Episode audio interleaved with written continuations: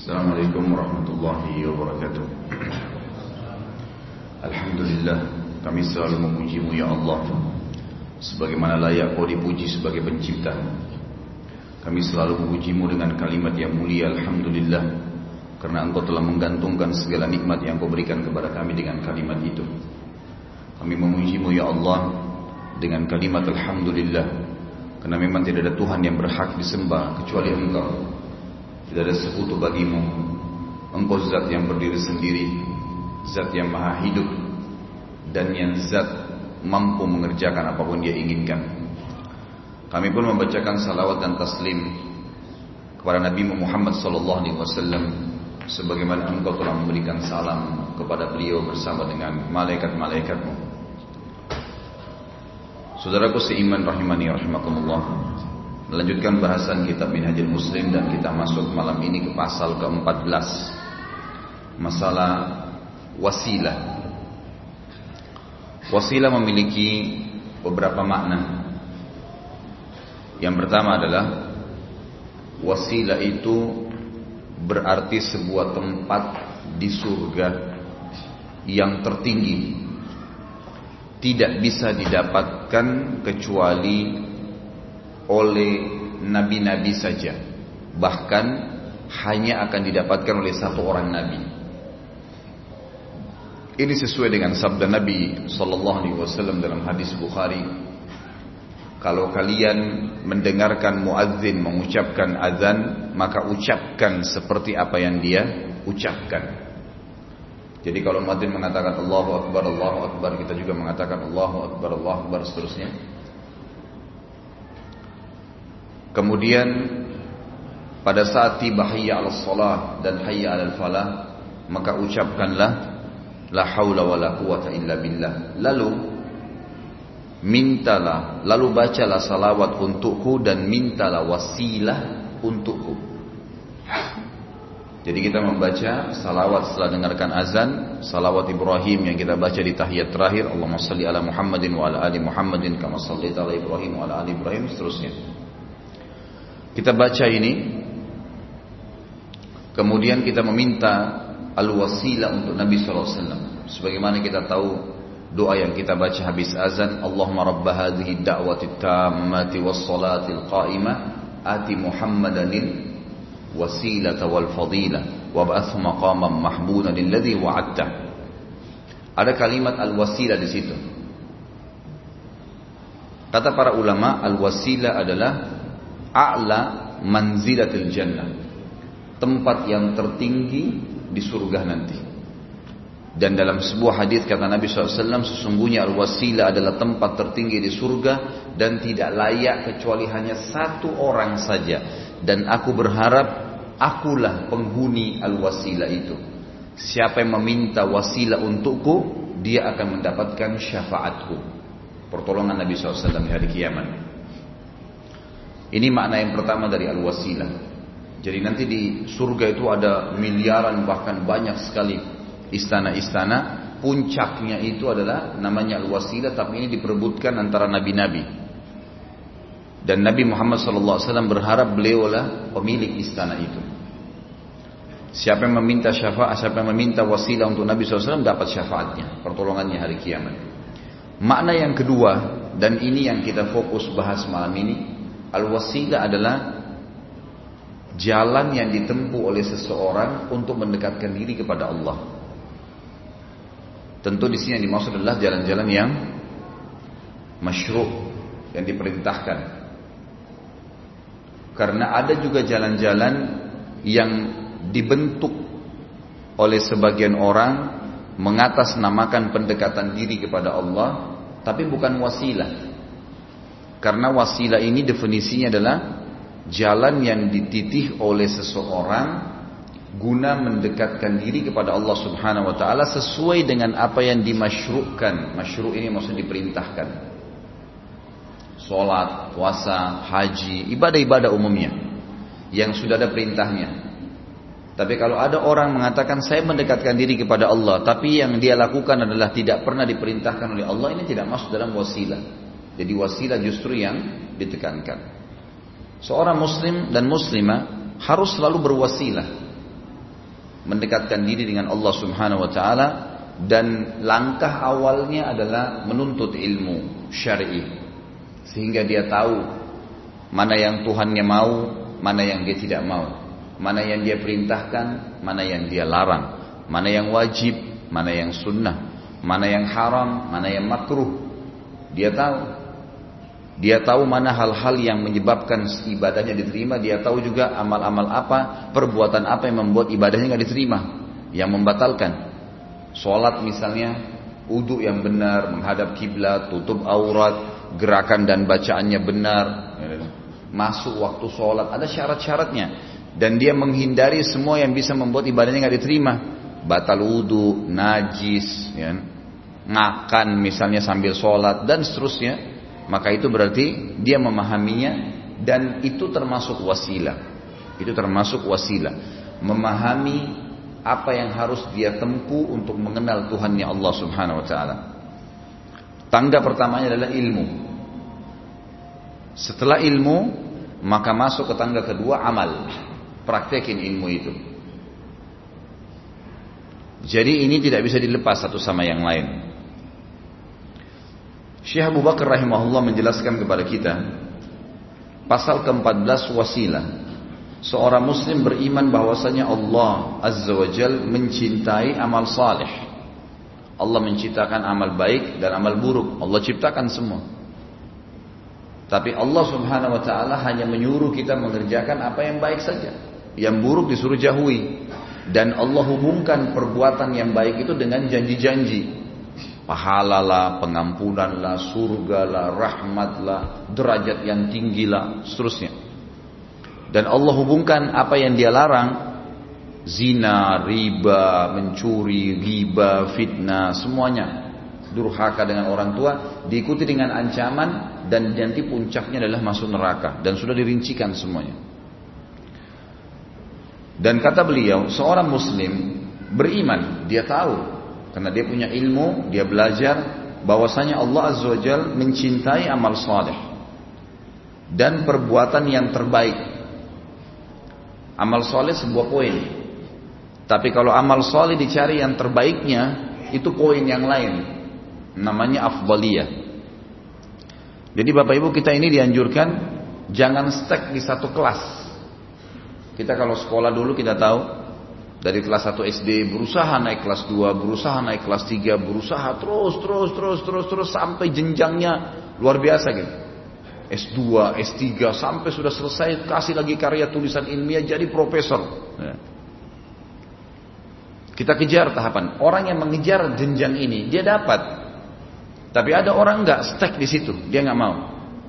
SD nggak selesai, nggak mau sekolah sama sekali, akhirnya semua jenjang yang semestinya diambil prestasi sudah ditinggalkan sama dia. Ingat, di dalam Islam kita disuruh untuk mengejar yang terbaik dengan istilah afdaliyah. Afdal, afdal. Jadi jangan Bapak Ibu dengar istilah afdal ini seakan-akan ah cuma opsi pilihan. Bukan. Itu target. Kalau afdalnya kita sholat di awal waktu, maka itu target. Bukan opsi, bukan pilihan itu. Kalau afdalnya pada saat saya punya 10 ribu dengan 1000 saya mengeluarkan 10 ribu maka afdalnya yang dikejar. Dan harus ada upaya untuk itu. Kalau enggak kita stuck di satu tempat. Saya berikan contoh pada pertemuan kita yang lalu. Kalau ada dua orang pegawai masuk di satu perusahaan, dua orang ini sama-sama jadi staf biasa, pegawai biasa. Yang satu punya target, yang satu nggak punya target. Begitu dia masuk jadi pegawai, gajinya 2 juta, jam kerjanya sudah jelas, sudah ada pakai baju seragam, udah deh cukup di sini. Ini si A misalnya. Si B berbeda. Si B begitu masuk jadi staf biasa yang paling pertama, hari pertama dia petakan tuh perusahaan. Jenjang karir di perusahaan ini apa saja nih? 1, 2, 3, 4, 5, 6, 7, 8 Fasilitasnya apa saja itu? Oh ternyata di sini ada gajinya sekian, ada fasilitas ini. Oh ternyata di sini gajinya sekian, ada fasilitas ini. Terus target tertingginya misalnya di rootnya. Dia jadikan sebagai targetnya. Kita temukan dua pegawai ini 10 tahun kemudian, 10 tahun kemudian, yang A tetap pada tempatnya, yang B berhasil jadi direktur. Karena dia punya target. Kalau kita lagi kuliah di kampus, nilai tertinggi adalah 10, nilai terendah adalah 6, di bawah 6 tidak lulus. Kalau ada orang targetnya 10, maka dia bisa dapat nilai 10 atau minimal minimal 8 atau 9. Karena target dia yang tertinggi. Kalau ada orang targetnya cuma lulus saja 6, bisa 6 atau bisa di bawahnya. Ini sebuah poin, kaidah hidup dalam Islam kita disuruh berprestasi. Tapi prestasinya sesuai apa yang Allah tuntun. Kita boleh mengejar rezeki yang terbaik, boleh pakai baju mewah, baju bagus, mahal, boleh pakai mobil bagus, boleh punya rumah yang luas, boleh punya harta yang banyak. Tetapi di sini dengan jalan yang Allah perintahkan. Nggak boleh dengan jalan yang lain. Ada istilah halal dan haram. Nggak bisa menipu orang, nggak bisa buat nota palsu, nggak bisa riba, nggak boleh zalim, produknya harus jelas dan dan dan dan banyak perintah agama dalam ekonomi syariat. Nanti akan ada bahasan kita sendiri masalah ekonomi Islam, tapi itu nanti ada bahasannya. Yang jelas kita bicara wasilah cara untuk mendekatkan diri kepada Allah Subhanahu wa taala hanya boleh dan benar kalau mengikuti apa yang diperintahkan, masyru' dimasyru'kan. Kata beliau, saya ulangi paragrafnya perhatikan, seorang muslim beriman bahwasanya Allah Azza wa Jalla mencintai amal saleh. Berarti Allah suka tuh kalau kita berbuat semua ketaatan. Dan perbuatan amal saleh itu yang terbaik. Kejar lebih baik lagi. Jangan stuck di situ. Kalau kita biasanya malam hanya sholat dua rakaat, mulai nanti malam berkembang jadi empat. Minggu depan enam, minggu depannya delapan, kalau tadinya kita cuma baca dalam kalau sudah berkembang bagus sampai paha tahap, tahap itu, kita biasanya baca cuma surah-surah pendek di juz 30. Mulai tahun 6 bulan akan datang target, saya harus bisa membaca satu juz dalam sholat malam saya.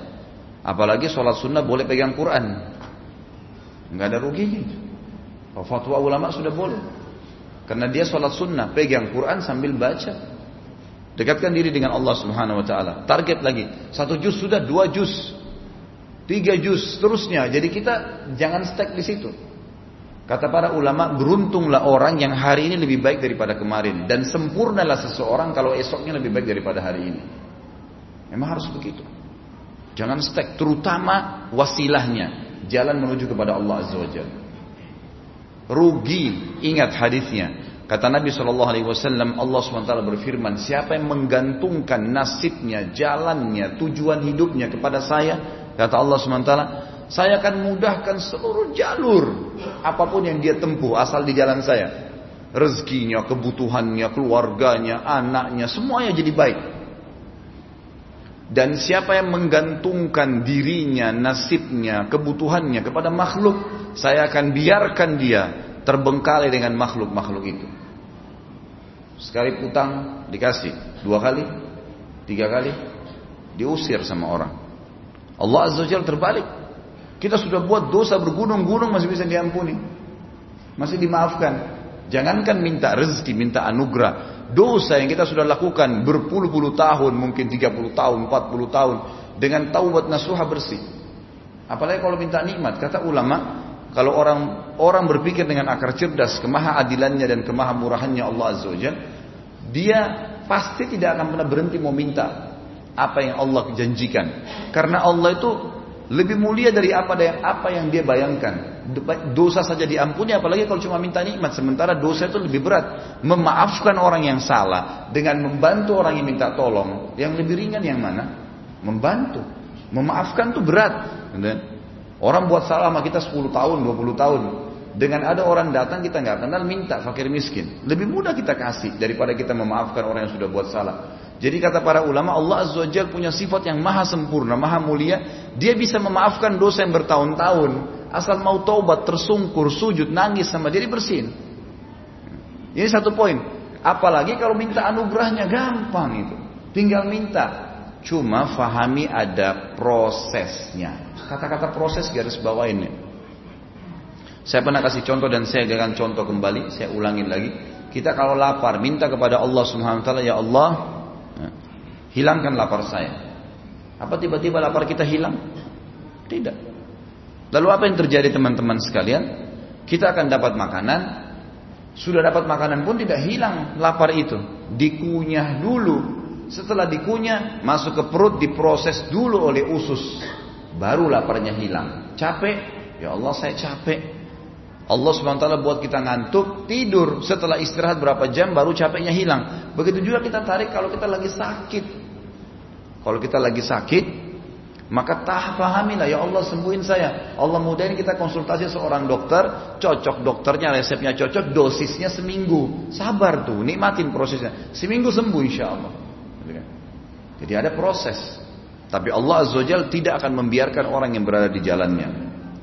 Perhatikan juga hadis Qudsi yang berbunyi sama ini menguatkan kata Nabi SAW wahai anak Allah SWT berfirman wahai anak Adam jangan pernah kau takut dengan siapa pun yang memiliki kerajaan seluas sebesar apa pun di muka bumi selama kau yakin aku punya kerajaan. Karena kerajaanku tidak akan habis sementara kerajaan mereka akan hancur. Wahai anak Adam kalau seandainya apa yang telah aku berikan kepadamu kau ridha, terima itu, maka aku akan buat semuanya jadi cukup untukmu. Dari hati sampai kebutuhanmu semuanya. Dan kalau seandainya apa yang aku berikan kepadamu kau tidak ridha, ngerutu, merasa tidak cukup atau memungkiri kebaikan Allah Subhanahu wa taala kata Allah, aku akan persempit dunia untukmu. Buka ini gagal, buka itu gagal, ngomong sama ini gak dipercaya. Terus dan tidak akan datang kepadamu kecuali yang telah aku tentukan untukmu. Kau putar-putar di mana pun, usaha apa pun, apa yang kamu lakukan tetap kau kembali ke gelas ini. Cuma ini rezekimu yang saya tentukan kata Allah. Ini hadis yang luar biasa nih, agung. Menenangkan hati seorang mukmin.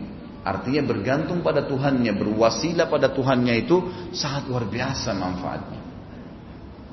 Ingat juga, kita kalau berada di jalan Allah, kita lakukan apa yang Allah perintahkan saudaraku, efek daripada perbuatan amal soleh itu besar. Bersodokah sejuta, Allah nggak balas sejuta ke kita, datangnya seratus juta. Kita memberi makan orang satu bungkus, Allah nggak balas dengan satu bungkus makanan. Allah balas dengan dari kita berikan makanan itu perhatikan satu bulan ke depan berapa banyak jenis makanan yang datang kepada kita sebagai ganti itu. Kita memberi satu orang satu orang satu baju, itu Allah ganti dengan sekian lembar baju. Kita sholat dua rakaat saja kepada Allah ikhlas, Allah bisa memberikan balasnya satu bulan sehat. Bukankah begitu hadis tentang sholat duha? Dalam tubuh manusia ada 360 sendi, gitu ya. Setiap hari dia harus bersodakah sebagai tanda syukur kepada Allah. Atas sendi-sendi yang masih bisa berfungsi ini, satu sendi kalau kita nilai satu juta berarti ada 360 sendi, 360 juta per hari. Dia harus sedekah sebagai tanda syukur kepada Allah. Dan kata Nabi SAW apa? Dua rakaat sholat duha menutupi sedekah 360 sendi. Dua rakaat gantiin sedekah 360 juta. Perhatikan ibadah sedikit efek balasannya luar biasa. Hadis riwayat Muslim. Siapa yang berpuasa satu hari di jalan Allah Satu hari saja Allah jauhkan dia dengan puasa itu 70 tahun dari neraka Perhatikan Satu hari puasa Efek balasannya luar biasa gitu kan? Jadi kaidah Memancing dengan jail kecil itu Hanya bisa menangkap ikan kecil Dalam agama dengan Allah nggak berlaku tuh Biar kita cuma pakai tangan, kita bisa memegang ikan paus kalau dengan Allah Subhanahu wa taala. Sebaliknya, pelanggaran kepada Allah akan mendatangkan efek jerah yang besar. Renungi selalu kata-kata itu Bapak Ibu sekalian sehingga jangan jerumuskan diri Anda pada yang haram. Nggak ada manfaatnya. Hidup tidak tenang, terganggu, rumah tangga kacau. Kita juga makan nggak enak makan, selalu dikejar banyak masalah pokoknya. Banyak masalah. Mencuri sejuta, efek jerahnya bukan hilang uang kita sejuta, tidak. Kita akan kehilangan 100 juta. Minum segelas racun, itu ibaratnya dosa. Obatnya bisa diobati racun dengan susu. Tapi apakah segelas racun cukup dengan segelas susu? Gak bisa. Harus seribu gelas mungkin baru bisa racunnya hilang. Bahayanya tuh. Jadi harus hati-hati. Kata beliau dia Allah mencintai hamba-hambanya yang saleh. Istiqomah di dalamnya. Saleh itu mengerjakan perintah wajib atau sunnah, meninggalkan larangan haram atau makruh. Makanannya, minumannya, pakaiannya, pergaulannya, pendapatnya halal. Selesai. Enggak halal tinggalin. Allah sudah tentuin untuk apa kita repot-repot. Kata Ibnu Qayyim, saya selalu senang, saya selalu tenang, gitu kan? Karena saya tahu rezeki saya tidak akan pernah diambil oleh orang lain. Dan saya selalu senang, saya juga selalu tenang karena ajal saya sudah ditentukan. Tidak akan pernah maju sesaat, tidak akan bertambah sesaat. Sudah selesai. 65, 65 mati. Mau sakit, mau sehat, mau kaya, mau miskin, mati pada saat itu. Saya selalu tenang. Jadi sini kita bisa paham. Dan dia juga mengatakan saya selalu tenang dan senang. Karena amal yang saya lakukan hanya saya akan menikmatinya. Amal orang lain tidak ada hubungannya dengan saya. Maka saya akan sibukkan diri saya dengan amal tersebut. Lalu dikatakan dan bahwasanya Allah Azza wa Jalla mengajak hamba-hambanya untuk bertakarrub, mendekatkan diri kepadanya. Allah SWT selalu manggil kita. Min rabbikum wa jannatin arduha as-samawati wal ardu iddat lil muttaqin. Berlumba-lumba kalian menuju kepada pengampunan Tuhan kalian dan kejar surga, kejar amal-amal soleh cepat sebelum meninggal. Yang luasnya seluas langit dan bumi hanya dijanjikan bagi orang-orang yang bertakwa. Ayat lain, wa fi dzalika falyatanafasil mutanafisun. Ini semua yang saya janjikan kata Allah, pahala yang besar, pengampunan, naungan di hari kiamat di bawah naungannya Allah, di mahsyar lagi panas, selamat dari api neraka, masuk surga dengan beragam fasilitasnya. Itu karena itu wajar kalian saling lumba berlomba.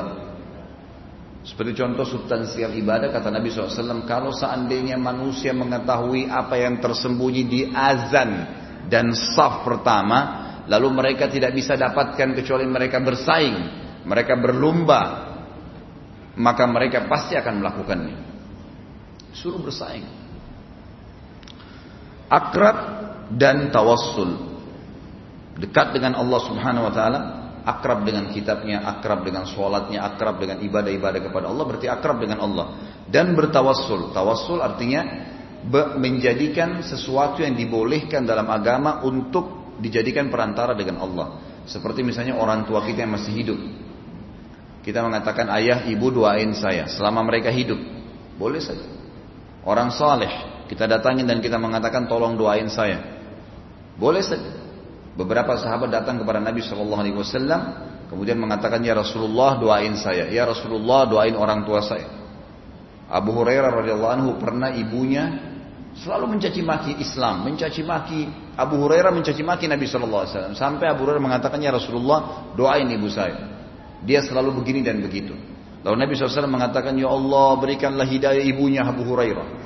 Allah ijabah. Abu Hurairah bilang saya pulang ke rumah pas saya mau buka pintu ibunya bilang wahai Abu Hurairah jangan kau buka pintu sampai saya syahadat.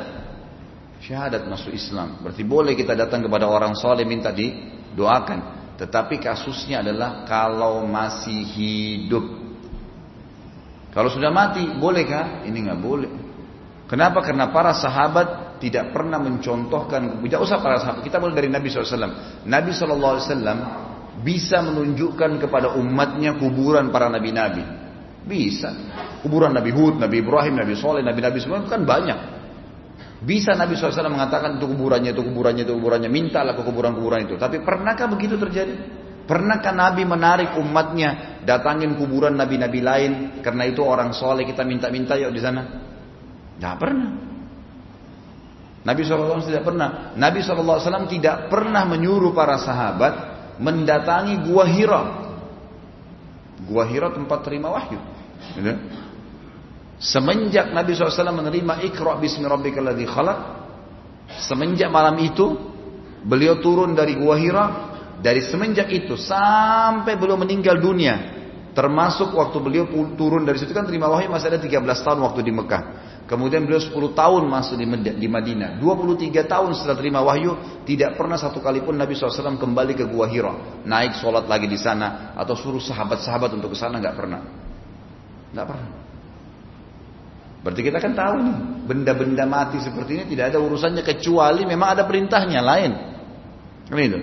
Kita tawaf di Ka'bah. Ka'bah batu, rumah. Benda mati, tapi karena Nabi SAW contohkan dalam syariat diperintahkan kita kerjakan. Bukan karena Ka'bahnya, karena perintahnya. Hajar Aswad, batu, perintahnya cium. Jadi ibadah kalau kita niat karena itu perintah Allah. Bukan karena hajar aswadnya, bukan karena wanginya, bukan karena nempel di Ka'bahnya. Tapi justru karena perintahnya. Makanya Umar bin Khattab berdiri depan Hajar Aswad sambil berkata waktu musim haji dengan suara keras, "Wahai Hajar Aswad, saya tahu kau hanya batu biasa. Kalau bukan saya melihat Rasulullah wasallam mencium kau, saya tidak akan mencium kamu." Lain. Jadi kita harus faham bagaimana meletakkan sesuatu. Yang dibolehkan dalam syariat kita lakukan, yang tidak boleh maka tidak boleh. Karena itu kata beliau, seorang muslim bertakarrub kepada Allah, mendekatkan diri kepada Allah, bertawassul, meniti jalan untuk sampai kepada Allah SWT, kepada Allah dengan berbagai amal soleh dan perkataan-perkataan yang baik. Maksudnya sudah diperintahkan dalam wahyu Al-Quran dan Sunnah. Ia memohon kepada Allah dan bertawassul kepadanya dengan menyebut-nyebut namanya yang sempurna atau asma'ul husna. Dan sifat-sifat kesempurnaannya juga bertawassul dengan imannya kepada Allah dan kepada Rasulnya serta dengan kecintaannya kepada Allah, kecintaannya kepada Rasulnya, kecintaannya kepada orang-orang soleh dan segenap kaum muslimin. Dan ini sudah saya kasih contoh tadi pada saat misalnya ini kita dipilah kalau satu persatu masalah bertawassul ini, maka ulama membagi ada tawassul yang mahmuda dan ada madhmuma. Mahmuda artinya terpuji, dibolehkan. Ya, gitu. Tadi saya bilang orang masih hidup kita datangin, kita minta. Kemudian juga tadi di sini diberikan contoh oleh beliau menggunakan nama-nama dan sifat-sifat Allah. Ya Razzaq, wahai zat yang pemberi rezeki, urzukni berikan saya rezeki. Wahai zat yang mengizinkan saya mengucapkan kata-kata dari lisan saya. Yang memudahkan saya untuk sujud di malam hari ini. Mengangkat tangan saya. Yang mengizinkan oksigen nafas masuk sehingga saya masih bisa hidup. Yang memudahkan agar jantung saya berdenyut, berdetak. Yang memudahkan saya untuk menyadari kesalahan-kesalahan saya dan memiliki hajat sehingga saya harus menyampaikannya. Jadi kita sampaikan. Mudahkanlah urusan saya setelah muji-muji Allah Subhanahu wa taala menggunakan nama-namanya. Juga di sini bertawasul dengan imannya kepada Allah dan juga kepada Rasulnya. Artinya dia yakin apa yang Allah bilang, apa yang Allah Rasulullah SAW sampaikan benar. Nah dia bisa dia bisa berpegang pada itu. Maksudnya dia bertawasul dengan itu dia masuk surga nanti. Itu memang benar dengan iman kita kita menjadikannya perantara agar kita bisa masuk ke dalam surga. Kecintaan kepada Rasulullah SAW dengan mengikuti sunnah-sunnahnya, mempraktekkan ya perintah-perintah agamanya. Semoga Allah berikan hidayah sebagian orang mengatasnamakan cinta Rasulullah, cinta Rasulullah, tapi dia sendiri jauh dari sunnah Nabi Shallallahu Alaihi Wasallam. Saya sampaikan dalam pertemuan ini risalah saya sederhana untuk para habaib turunan Nabi Shallallahu Alaihi Wasallam. Kita semua ini kaum muslimin disuruh untuk mencintai mereka mencintai turunan Nabi Shallallahu Alaihi Wasallam. Kita disuruh membaca salawat pada saat sholat. Allahumma salli ala Muhammadin wa ala ali Muhammadin. Kita bacakan salawat untuk Nabi dan keluarganya. Kita mencintai Nabi SAW dan keluarganya. Mestinya para orang-orang yang mengaku sebagai turunan Nabi SAW ini mereka berada di sah pertama untuk membela sunnah kakeknya Nabi SAW. Tapi sayangnya kita temukan sebagian mereka, tidak semua, justru berada di belakang dari sunnah Nabi SAW. Kalau ada orang yang mempertahankan, ini Rasulullah kerjakan, ini Rasulullah tidak kerjakan, ini kita perjuangkan, ini kita jauhi. Enggak, malah dia yang datang menyuruh orang untuk melanggar apa yang dipertahankan oleh kaum muslimin. Mestinya orang-orang yang mengaku turunan Nabi SAW di sah pertama, kita ini semua dukung dari belakang, gitu kan. Mestinya mereka lah yang mempertahankan kemurnian ajaran Nabi Muhammad SAW. Sekarang kita temukan malah istilah ini itu jauh daripada apa yang yang dikenal dengan mempertahankan sunnah Nabi SAW. Justru hal-hal yang dibuat-buat, justru hal-hal yang akhirnya memotivasi umat seakan-akan tidak harus murni mengikuti Nabi SAW. Sampai saya dengar sendiri ada statement, nggak apa-apa biar Nabi nggak perintahkan, yang penting baik. Nah, subhanallah. Bukankah Nabi Muhammad SAW diutus untuk menjadi contoh, menyempurnakan agama Allah? Kalau seakan-akan kita berani mengatakan maaf ya Rasulullah, saya lebih tahu daripada anda. Karena buktinya, ya, saya bisa kerjakan ini yang anda tidak ajarkan. Kalau Rasulullah SAW masih hidup sudah langsung dimarahin tuh, gitu kan? Gimana bisa? Saya utusan Allah, kamu siapa? Gitu. Mestinya ikut, gitu kan? Jadi kita harus kembali. Kita bisa bertawassul dengan mengikuti Nabi Shallallahu Alaihi Wasallam, meniti jalan dengan apa yang beliau contohkan. Pokoknya di mana kakinya diletakkan, di mana e, lisannya mengucapkan kalimat, ya, di mana tangannya memberikan isyarat tempat tertentu, di situ kita berada. Jadi memang betul-betul menciplak Nabi Shallallahu Alaihi Wasallam. Kecintaannya kepada orang-orang soleh, semua orang yang sudah ikut perintah Allah dan Rasulnya kita cintai. Ini juga boleh bertawassul dengan ini, kita ikutin, berteman dengan orang-orang soleh sehingga hidup kita mirip dengan mereka dan segenap kaum muslimin secara global juga dicintai olehnya. Ia bertakarrub kepada Allah dengan melakukan sholat fardu, mendekatkan diri dengan Allah dengan mengerjakan sholat fardu, zakat, puasa, ibadah haji dan amalan-amalan sunnah. Ia juga bertakarrub atau mendekatkan diri dengan Allah dengan meninggalkan apa-apa yang diharamkan dan menjauhi segala larangan. Jadi kepatuhan kepada Allah itu berisi dua ya, mengerjakan perintah, meninggalkan larangan. Itu dua. Jadi masih belum sempurna kedekatan diri orang seseorang kepada Allah kalau dia masih melakukan perintah tapi masih melanggar juga yang diharamkan, gitu kan?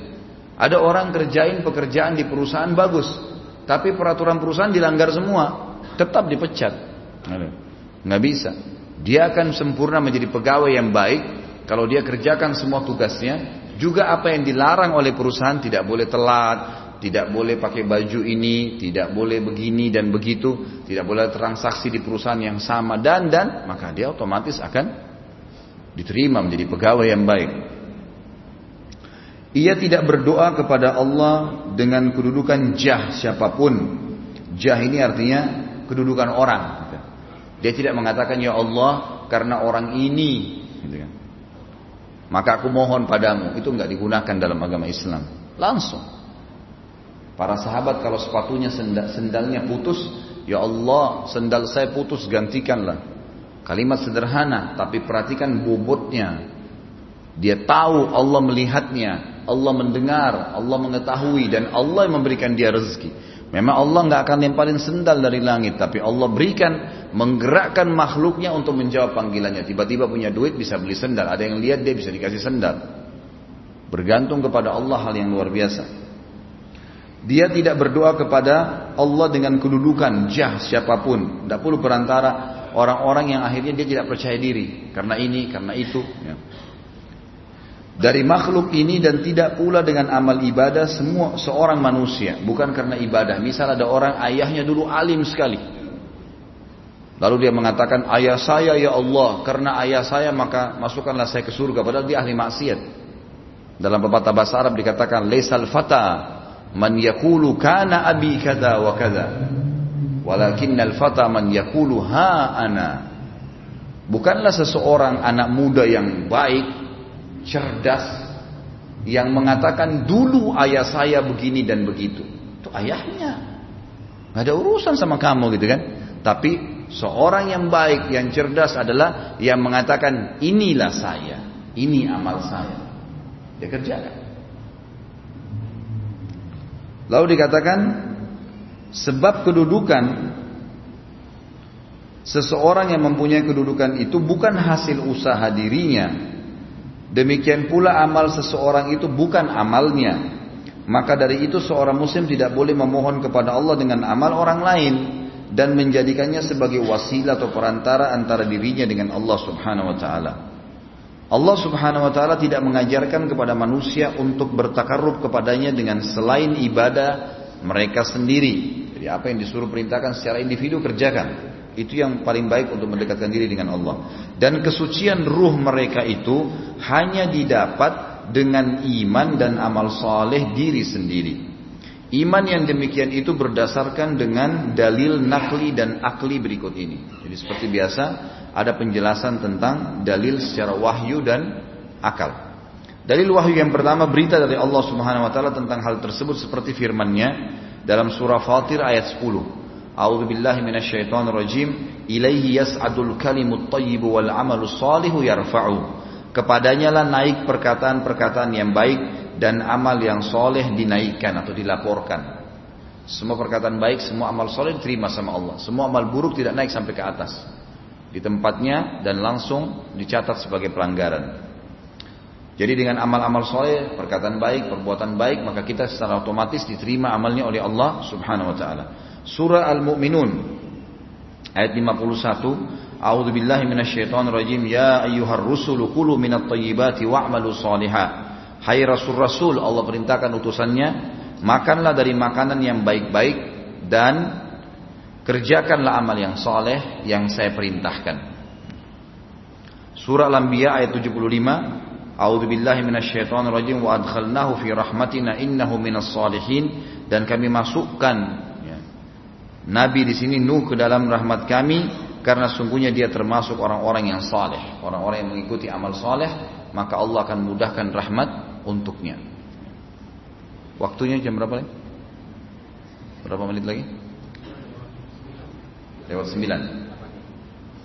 Kemudian Al-Maidah ayat 35 Allah Subhanahu wa taala menyebutkan A'udzu billahi minasyaitonir rajim ya ayyuhalladzina amanu taqullaha wabtagu ilaihil wasilah. Ada kata-kata al-wasilah di sini, hai orang-orang yang beriman bertakwalah, patulah kepada Allah dan carilah jalan yang mendekatkan diri kepadanya sesuai yang telah Allah perintahkan. Selalu sibukkan diri dengan perintahnya. Firmannya juga yang lain dalam surah Isra ayat 57, A'udzu billahi minasyaitonir rajim, ulaika alladziina yad'una yabtaguna ila rabbihimul wasilata ayyuhum aqrab. Al-ayat. Orang-orang yang mereka seru itu mereka sendiri mencari jalan kepada Rabb mereka.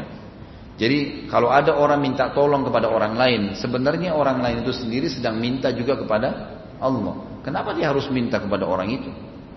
Saya pernah ceritakan ada kisah seorang tabi'in, dia berusaha, buka usaha, bangkrut subhanallah.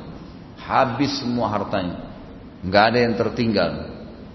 Maka berjalan waktu kurang lebih enam bulan. Nggak ada lagi satupun sedikit uangnya, habis. Berjalan enam bulan dia mengemis dari masjid ke masjid minta, minta, minta, minta. Enam bulan berturut-turut. Setelah selama enam bulan dia berdoa sama Allah, ya Allah mudahin, ya Allah mudahin, ya Allah maafkan kalau ada kesalahan, ya Allah angkat hijabnya nih apa yang jadi permasalahan sehingga rezeki saya sampai bangkrut, saya belum dibukain ya Allah. Terus dia memohon kepada Allah sampai satu waktu, gitu kan? Allah Subhanahu Wa Taala memberikan dia petunjuk. Habis sholat Jumat dia sholat Jumat di satu masjid di kota Baghdad di Irak. Selesai sholat dia lihat di belakang saf masjid ada beberapa orang-orang yang kelihatannya susah lagi menerima bingkisan-bingkisan gitu. Maka orang-orang ini pun didatangin oleh satu orang tadi yang jadi tokoh kita ini. Saya tidak terlintas sekarang namanya siapa tapi kisahnya benar. Maka datanglah dia menuju ke orang-orang miskin terus ambil bertanya, siapa yang kasih kalian bingkisan-bingkisan ini? Kata mereka itu di depan tuh yang saf pertama yang lagi berdoa sama Allah tuh. Kau minta apa pun sama dia dikasih tuh. Maka kata orang ini, saya pun mendekati orang tadi dengan niat mau juga minta bingkisan karena dia sudah miskin sekarang. Dan selama enam bulan sudah cukup waktu yang lama untuk minta-minta sama orang. Subhanallah dia bilang, pada saat saya datang ke dekatnya orang tersebut, saya temukan dia sedang berdoa merengek sama Allah. Ya Allah berkahi, ya Allah tambahkan, ya Allah mudahkan. Terus ngerengek sambil nangis-nangis orang yang kaya itu. Anu dia bilang, saya tiba-tiba tersentuh hati saya, saya mengatakan, untuk apa saya minta sama orang ini yang dia sendiri ngerengek sama Allah? Kenapa saya nggak langsung? Untuk apa melalui dia? Dia aja merengek. Maka dia bilang semenjak itu dia kembali dirinya kepada Allah SWT dan dia bilang enam bulan kemudian selama enam bulan terus saya mendekatkan diri dengan Allah sampai Allah mengembalikan seluruh kekayaan saya dalam satu tahun itu. Enam bulan pertama cobaan, enam dua bulan sudah pendekatan diri kepada Allah. Dia bilang setahun kemudian kembali seluruh kekayaan saya bahkan berlipat-lipat dari apa yang saya miliki dulu karena hanya mendekatkan diri dengan Allah Subhanahu wa taala. Ini kisah nyata. Kemudian selanjutnya disebutkan juga dalam surah Al-Imran ayat 31, A'udzu billahi minasyaitonir rajim. Qul in kuntum tuhibbunallaha fattabi'uni yuhibbukumullah yaghfir lakum dzunubakum. Salah satu cara yang terbaik meniti wasilah itu adalah mengikuti semua yang Nabi SAW contohkan.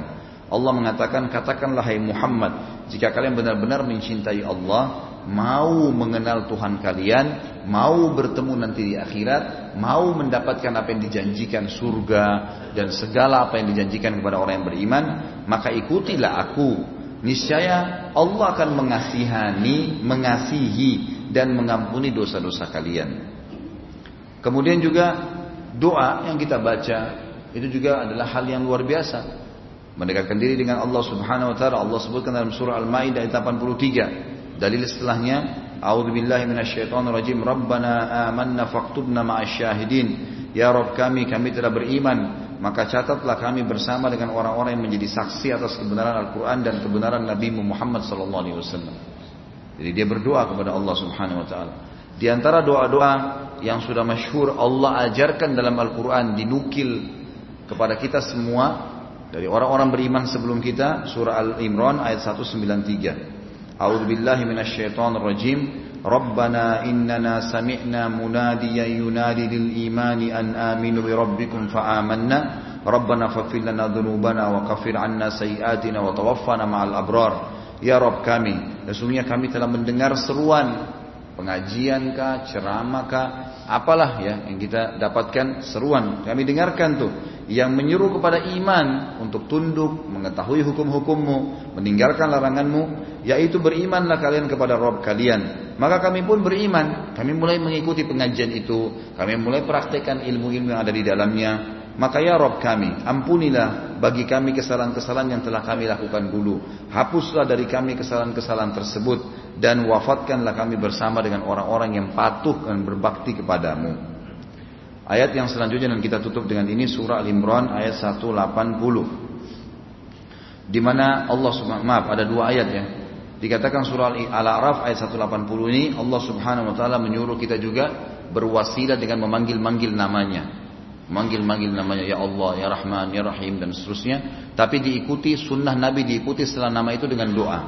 Karena Allah mengatakan tadi Al-Imran 180, Al-A'raf 180, A'udzu billahi minasyaitonir rajim walillahil asmaul husna fad'uuhu biha wa dzarul ladzina yulhiduna fi asma'i sayujzauna ma kanu ya'malun hanya milik Allah lah asmaul husna dan nama-nama yang mulia tidak ada kekurangan dan salah di situ dan maka mohonlah dengannya minta kepada Allah berdoa dengan menyebut nama-nama itu dan tinggalkan orang-orang yang menyimpang dari kebenaran dalam menyebut-nyebut namanya kalau ada orang nyambung-nyambung antara nama Allah dengan nama makhluk tinggalkan aja nggak usah ikut-ikutan nanti mereka akan mendapatkan balasan terhadap apa yang mereka kerjakan itu dan ayat terakhir di poin pertama seperti biasa insya Allah nanti habis Sholat ba'diyah kita lanjutkan sedikit baru kemudian e, kita buka pertanyaan insya Allah.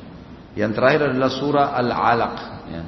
Ayat 19 Allah subhanahu wa ta'ala salah satu yang kita disuruh menjadikan wasilah peniti jalan mendekatkan diri dengan dia memperbanyak sujud memperbanyak sujud kata Allah subhanahu wa ta'ala dalam surah Al-Alaq wasjud waqtarib dan selalulah sujud dan dekatkan diri kepada Rabbmu di dalam hadis kata Nabi SAW kepada seorang sahabat Ya.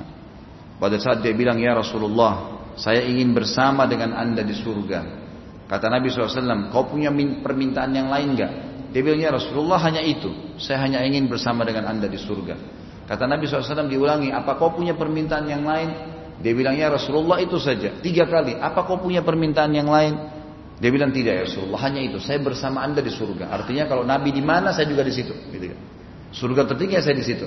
Kata Nabi Shallallahu Alaihi Wasallam, engkau akan bisa mendapatkannya, tapi tolonglah aku dengan memperbanyak sujud kepada Allah. Memperbanyak sujud.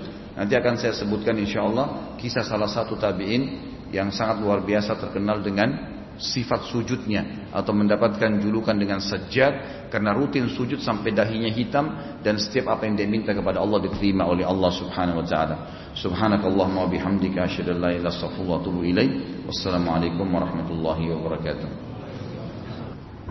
Assalamualaikum warahmatullahi wabarakatuh Alhamdulillah Wassalatu wassalamu ala rasulillah Segala puji bagi Allah subhanahu wa ta'ala Juga salawat dan taslim besar Muhammad sallallahu alaihi wasallam Tadi Bapak Ibu sekalian kita sudah membaca dalil-dalil dari Al-Quran tentang perintah Allah berwasilah kepadanya, meniti jalan menuju ke jalannya atau menuju kepada Allah SWT dengan hal-hal yang diperintahkan.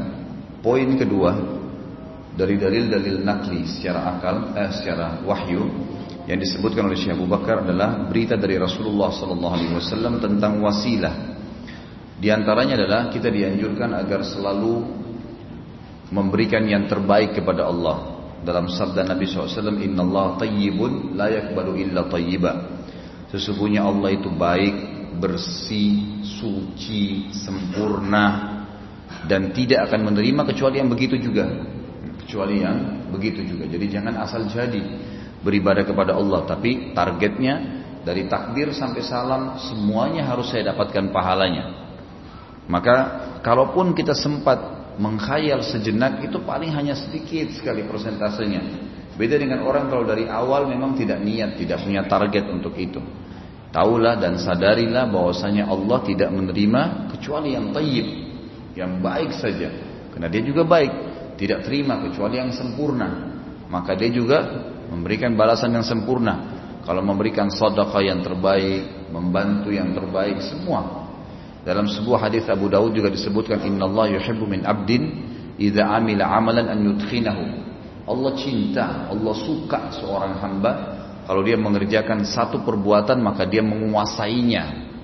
Maksimal di situ. Nikmatin betul-betul. Lagi sholat ya sholat, lagi puasa ya puasa. Pokoknya maksimal dalam ibadah itu. Jangan pindah kecuali sudah maksimal di situ. Juga kata Nabi Shallallahu Alaihi Wasallam di antara wasilah yang sangat luar biasa kepada Allah adalah ini tadi hadis yang pertama hadis riwayat Imam Muslim dan Imam Tirmidzi juga Imam Ahmad kalau sekarang hadis riwayat Trimidi, kata Nabi SAW, Ta'arraf ilallahi fir rakha'i ya'rifka fi syiddah. Selalulah dekat dengan Allah di waktu lapang. Di waktu kamu lagi ada rezeki, lagi sehat, lagi semuanya Masya Allah, enak. Pada saat itu puncakkan ibadah kepada Allah, maka pasti dia akan mengenalimu memenuhi kekurangan dan kebutuhanmu pada saat kamu sedang sempit. Jadi bukan kita beribadah rajin berdoa pada saat musibah datang. Tapi setiap saat, terutama dalam keadaan justru nikmat. Biasa kita subhanallah kalau lagi tidak ada cobaan tidak berdoa sama Allah. Ada manusia begitu. Ada orang subhanallah sangat peka, hati-hati. Dia nggak mau kecuali memang dia ibadah kepada Allah, ya dan terbaik. Mau ada musibah atau enggak. Pekah dia. Ada orang enggak memang kalau lagi santai lagi enak males. Kalau lagi ada masalah di masjid rajin sholat. Begitu mulai Allah angkat masalahnya depan TV duduk sholatnya mulai terlambat terbengkalai lagi kembali lagi maksiat kepada Allah ini enggak benar makanya kata Nabi SAW kalau kau mau dalam keadaan kau sedang ada cobaan dan dapat jalan keluar dari Allah maka maksimalkan ibadahmu pada saat kamu sedang tenang. Kemudian juga kata Nabi Wasallam dalam hadis yang lain, hadis riwayat Imam Bukhari, "Wa ma taqarraba ilayya 'abdi bi syai'in ahabbu ilayya mimma aftaradtuhu alayhi, wa la yazalu 'abdi yataqarrabu ilayya bin nawafil hatta uhibbu." Tidaklah seorang hamba mendekatkan diri kepadaku dengan sesuatu yang lebih aku sukai. Hadis ini menjelaskan tentang mendahulukan hal-hal yang apa yang Allah wajibkan dari yang sunnah. Jadi yang wajib itu diperindah semaksimal mungkin. Anda kalau mau sholat bajunya nyaman, bau badan eh, apa kondisi badannya nyaman. Beda orang yang bangun sholat malam, bangun ngantuk-ngantuk cuma wudhu, bajunya sembarangan, sejadahnya kotor. Dengan orang dan dia juga tidurnya telat di atas jam 12 jam 1 malam ngantuk-ngantuk bangun dapat pahala. Beda dengan orang yang tidur sudah diprogramin. Ini jam 10 malam saya harus tidur nih. Jam 11 maksimal sudah tidur. Jam setengah 4, jam 3 saya bangun. Bangun itu mandi, pakai sampo, pakai sabun. Merasa memang mencoba memberikan yang terbaik untuk itu niatkan untuk ibadah ya memang kita untuk niat seperti kalau bagaimana sih kalau seseorang di antara kita mau bertemu dengan tokoh masyarakat yang undang dia misal teman-teman di sini diundang nggak usah kepada oleh oleh presiden, oleh gubernur aja deh, oleh wali kota, diundang besok diundang datang ke kantor. Pada saat kita mau pergi ke sana, kita akan mandi biar segar, kita akan pakai roll on, kita akan pilih baju yang rapi, disetrika. Bagaimana bisa kita lakukan perbuatan itu semua dan kita tidak lakukan kepada Allah Subhanahu wa taala? Maksudnya kita berpikir, Urwah bin Zubair rahimahullah seorang ulama tabi'in berkata, janganlah seseorang di antara kalian memberikan untuk Allah di jalan Allah, gitu kan? Sesuatu yang dia malu kalau dia berikan kepada pejabat satu kaum. Begini maksudnya. Coba kalau anda diundang tadi sama wali kota, wali kota telepon khusus, datangnya besok ke kantor saya, datangnya besok ke rumah saya, dan pesannya wali kota bawain saya buah, misal, bawain saya buah. Kira-kira bapak ibu sekalian, anda akan beli buah di mana dan jenis buah apa yang akan anda pilih? Apakah anda akan pilih buah di pinggir jalan? Apakah anda akan letakkan buah itu di kresek yang anda bawa ke wali kota? Anda akan cari toko yang terbaik, buah yang terbaik nggak cukup. Pakai keranjang, bungkus plastik, pakai pita. Coba pertemukan ini dengan ibadah yang kita kerjakan kepada Allah seperti bakti dengan orang tua. Kalau anda dipesan sama ibu atau ayah, nak tolong beliin buah. Di mana anda beli buah? Bagaimana anda letakkan buah itu di pinggir jalan? Mungkin kalau tukangnya bilang ini sedikit ada rusak, nggak apa-apa, nggak apa-apa, masukin aja. Bawa pakai keras saya kasih orang tua kita. Padahal orang tua itu bakti. Itu termasuk wasilah perantara kepada Allah sehingga kita dekat dengan Allah. Allah yang perintahin kita. Mestinya kata Urwa, kalian harus malu memberikan sesuatu di jalan Allah yang kalau kalian berikan sesuatu itu pada kaum pemimpin kaum kalian malu.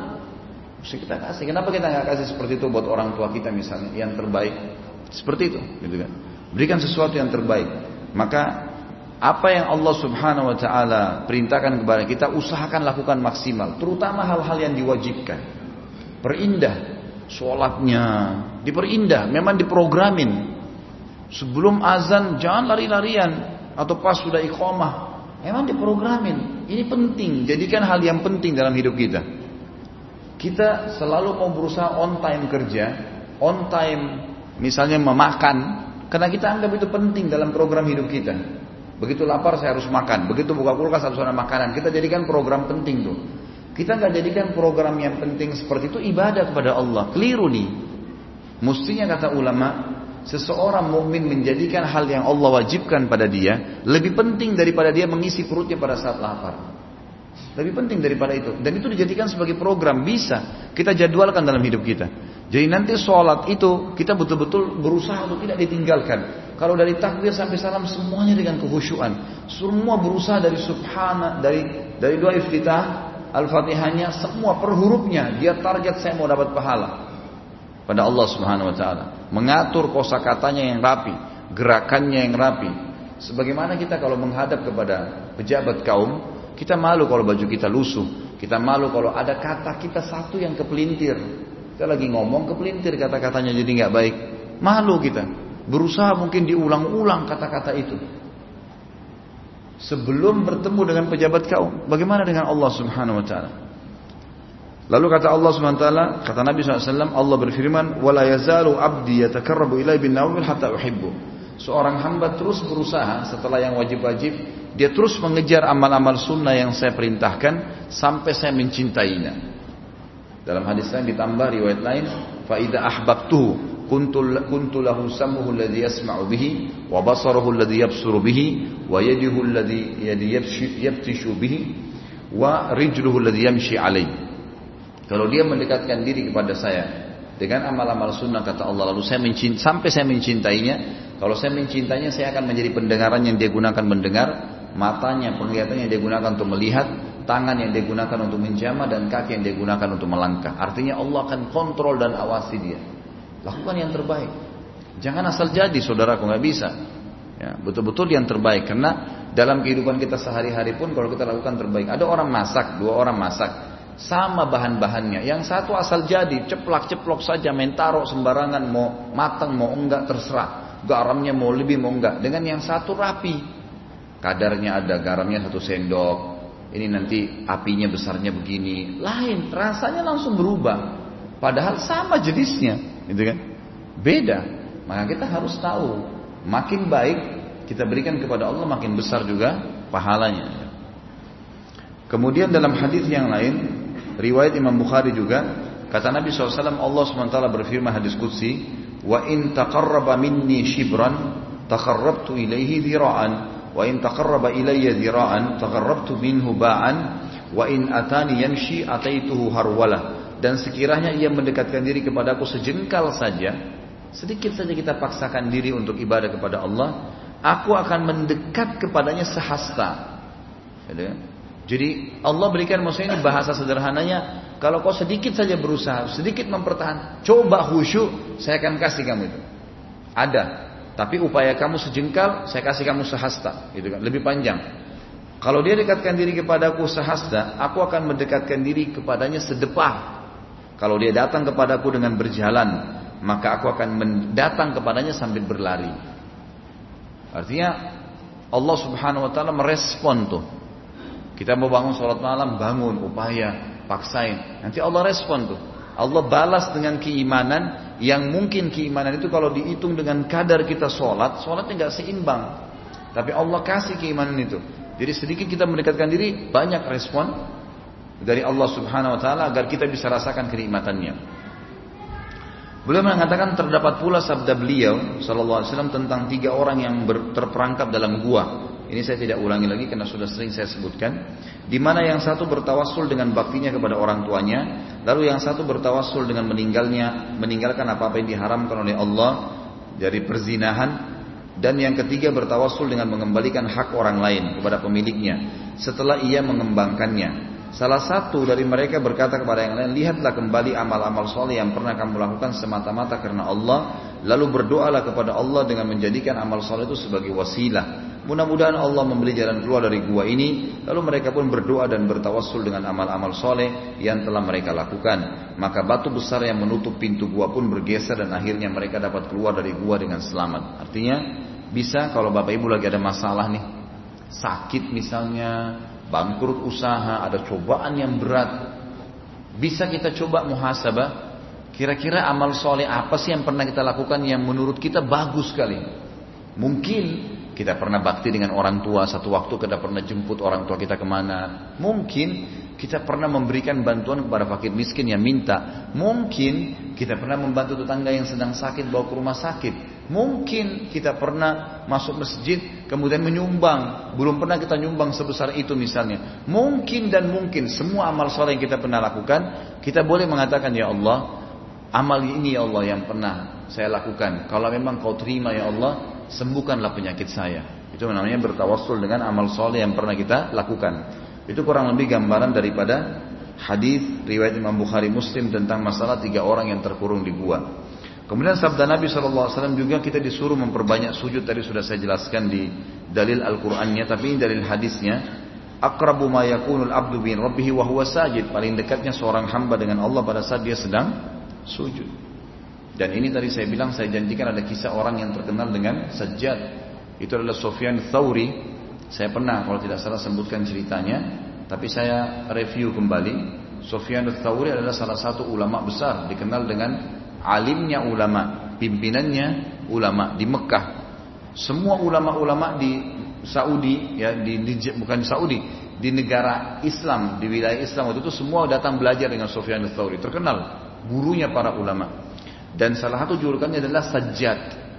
Dia kalau sujud, dia nggak angkat kepalanya sampai hajatnya Allah kabulkan. Sujud terus dengan Allah SWT, luar biasa. Satu waktu datang suratnya khalifah kepada dia, suruh Sufyan al-Thawri harus menjadi hakim. Harus jadi hakim. Ditolak sama dia. Dia nggak mau jadi hakim. Jadi hakim ini masalah. Jadi perlu Bapak Ibu tahu, bahasa saya ini sederhana tapi mudah-mudahan Allah membuat kita faham dan kita mengamalkannya. Jangan pernah siapkan musuh dan juga dosa yang akan memberatkan timbangan kita hari kiamat. Jangan siapkan musuh yang akan bermasalah dengan kita hari kiamat Jangan juga memberatkan timbangan dosa kita hari kiamat. Dari sekarang. Jangan punya masalah sama orang. Ada masalah sama orang minta maaf walaupun dia tidak minta maaf. Kita duluan. Kita sudah selamat. Di akhirat dia masih ada masalah kalau tidak minta maaf. Kita selesaikan dulu masalah ini. Karena bahaya nih berat. Kalau kita mengambil duit di dunia ini sekian, tidak bisa lagi kita bayar dengan jumlah sekian di akhirat. Kalau kita ambil 2 juta misalnya, di akhirat 2 juta rupiah sudah nggak berlaku. Harus diganti dengan 2 juta pahala. Jadi kita harus hati-hati sekali nggak boleh macam-macam. Begitu pula kita jangan memperberat amal timbangan dosa kita. Jangan terus-menerus dosa itu dipelihara. Nggak baik itu seperti barang busuk. Untuk apa gitu? Hilangkan semua, jangan ada dosa. Kalau dulu kita melakukan istighfar kepada Allah, sekarang ke depannya selama masih hidup, hilangkan itu. Jangan beratkan timbangan dosa kita, beratkan timbangan amal kita. Ya. Perbanyak orang yang bisa kita dapat syafaatnya hari kiamat. Berteman para mujahidin, berbakti dengan orang tua, ya kan gitu. Orang-orang soleh yang mudah-mudahan nanti mereka pada saat lolos di akhirat kita butuh kita diberikan syafaat pertolongannya. Itu yang kita siapkan. Jangan yang lainnya, nggak baik gitu. Sufyan ats-Tsauri rahimahullah waktu dituliskan surat oleh khalifah lari. Dia nggak mau. Khalifah tawarkan gaji sekian, tawarkan pekerjaan, tawarkan kereta kencana, istana yang besar. Nggak mau. Ini jadi hakim. Dan pada saat itu teman-teman sekalian, hakim ini kalau dia jadi hakim, hakim itu pada zaman itu itu lebih tinggi daripada khalifah.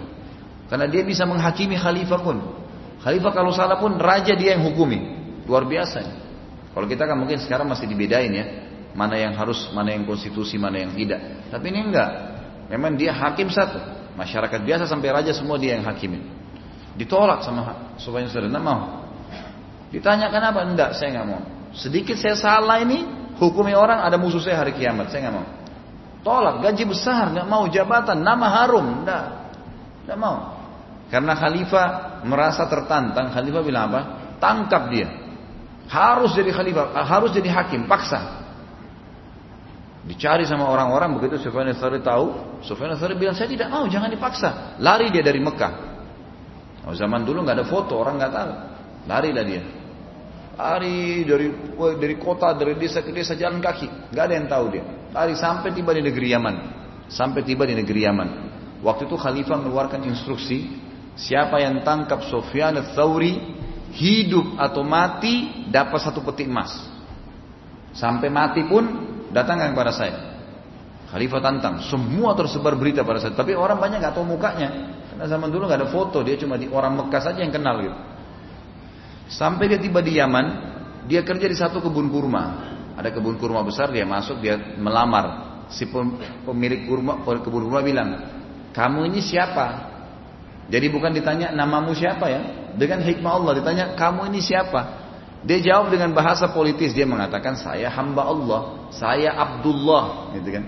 Abdullah, si pemilik kebun, kira ini namanya dia. Karena bukan ditanya namanya. Siapa kamu? Dia bilang, saya Abdullah, hamba Allah. Baik. Ditanya kenapa saya mau bekerja. Cari kerjaan. Dari mana? Kalau dari Hijaz. Hijaz itu Mekah sama Madinah. Dulu dia makan Hijaz. Baiklah bekerja. Kisahnya adalah tiga bulan setelah kerja di kebun kurma tersebut, Si pemilik kebun tanya, panggil, wahai Abdullah ke sini. Sufyan ats datang, rahimahullah. Begitu datang ditanya, saya mau tanya, apa bedanya antara kurma kami di Yaman ini dengan kurma kalian di Hijaz? Kurma kalian di Mekah sama Madinah itu. Apa bedanya? Kata Sufyan ats demi Allah saya nggak tahu. Karena saya tidak pernah tahu rasanya kurma kalian di Yaman. Tidak pernah saya makan kurma Yaman selama sini saya nggak pernah rasa. Kata pemilik kebun sambil sedikit nyindir gitu.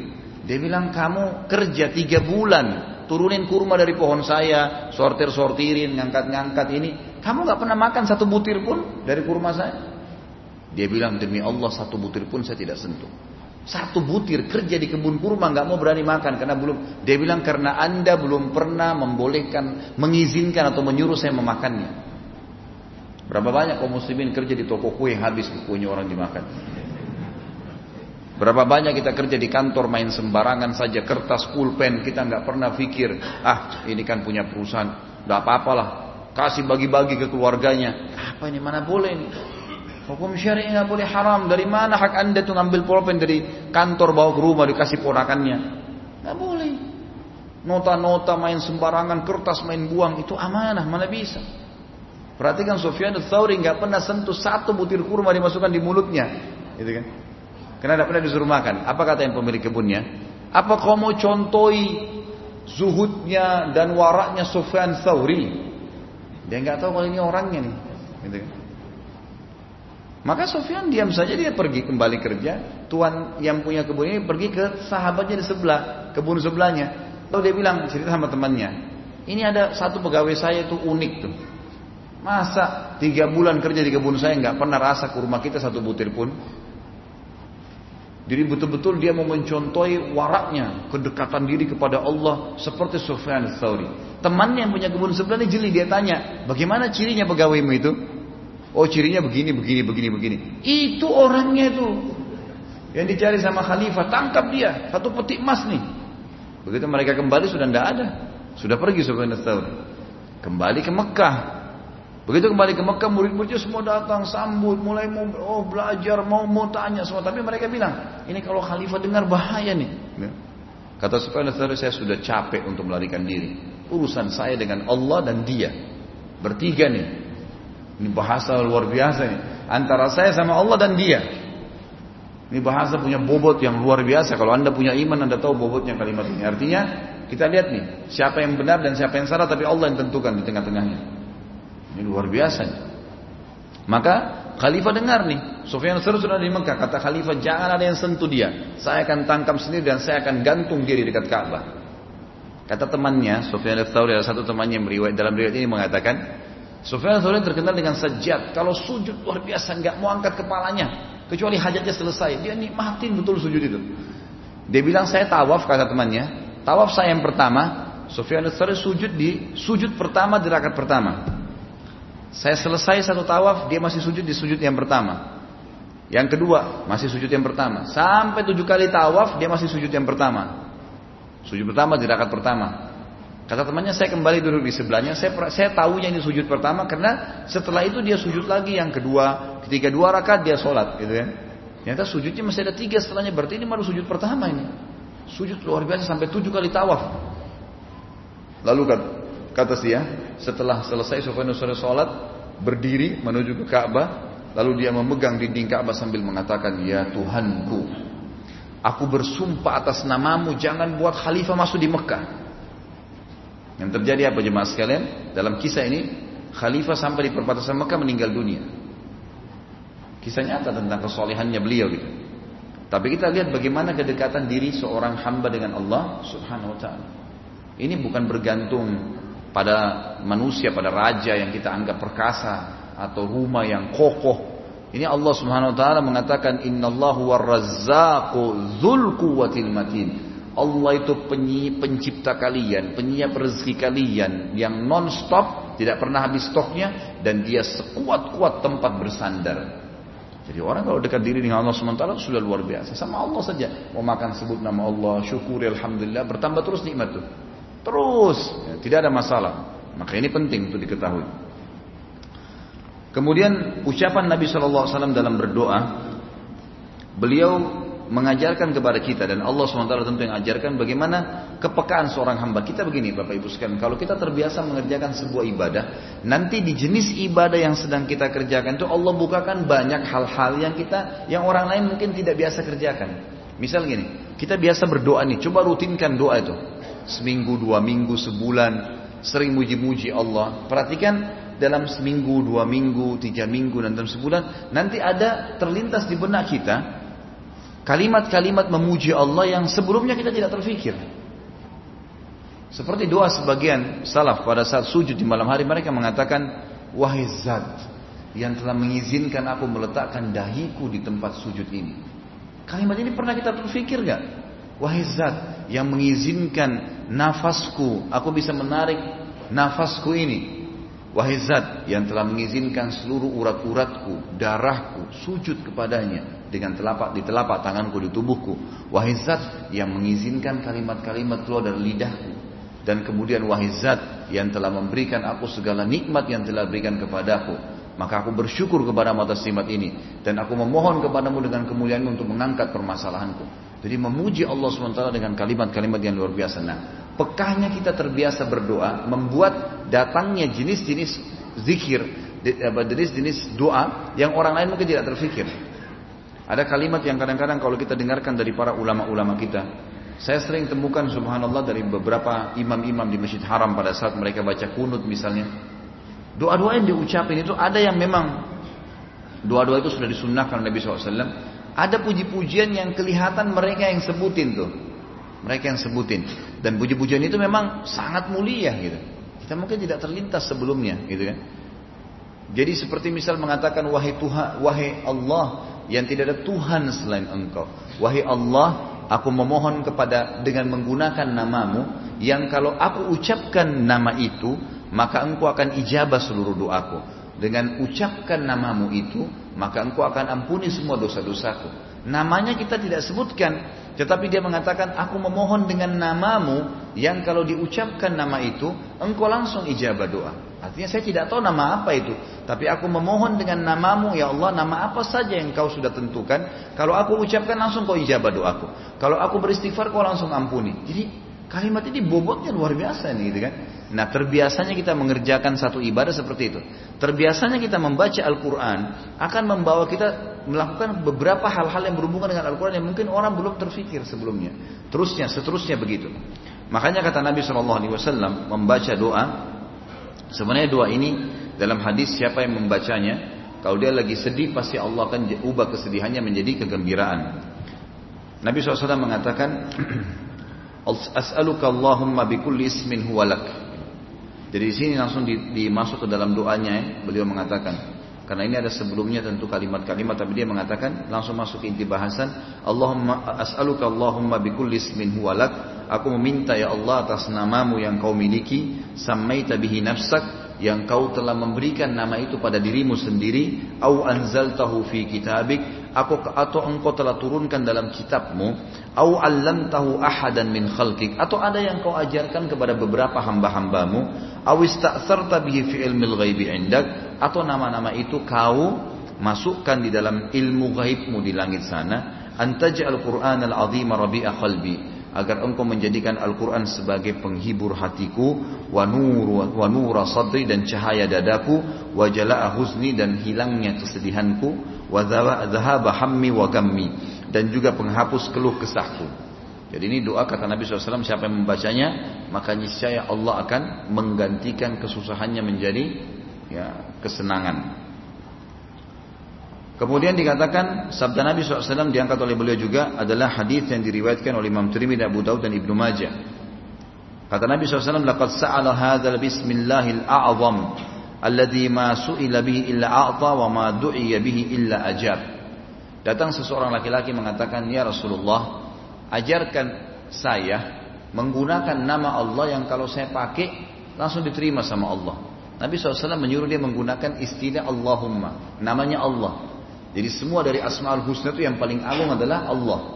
Dan sering kalau ditekankan dengan pemastian takkid dikatakan Allahumma. Allah tambah mim, gitu kan? Jadi dibaca Allahumma.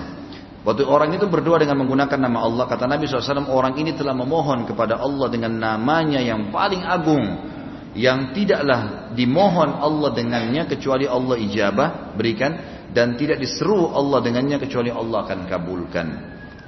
Poin yang ketiga dan dalil yang terakhir dalam masalah wahyu, dalil nakli ini adalah adapun tawassul para nabi yang dicatat di dalam Al-Qur'anul Karim dan tawassul mereka adalah tawassul dengan nama dan sifat-sifat Allah serta dengan amal soleh tidak ada yang selain itu. Seperti contohnya Nabi Yusuf alaihissalam di dalam tawassulnya mengucapkan surah Yusuf ayat 101. A'udzu billahi minasyaitonir rajim. Rabbi ataitani minal mulki wa 'allamtani min ta'wilil ahadits فاطر samawati wal ardi ولي في الدنيا dunya wal akhirah وألحقني musliman wa Hikmi salihin waktu Nabi Yusuf minta dimatikan secara husnul khatimah dalam keadaan Islam beliau mendahului doanya dengan tawassul ya. Menjadikan perantara amal soleh yang dianggap paling dekat paling baik. Dia mengatakan wahai Robku sesungguhnya engkau telah mengadu gerahkan kepadaku kerajaan. Jadi waktu itu kan Nabi Yusuf sudah menjadi Raja Mesir. Jadi dia sebutkan dulu itu, ya Allah yang telah memberikan aku kerajaan di Mesir. Kalau antum misalnya punya jabatan tertentu, ya Allah yang telah memberikan aku jabatan ini misalnya gitu kan.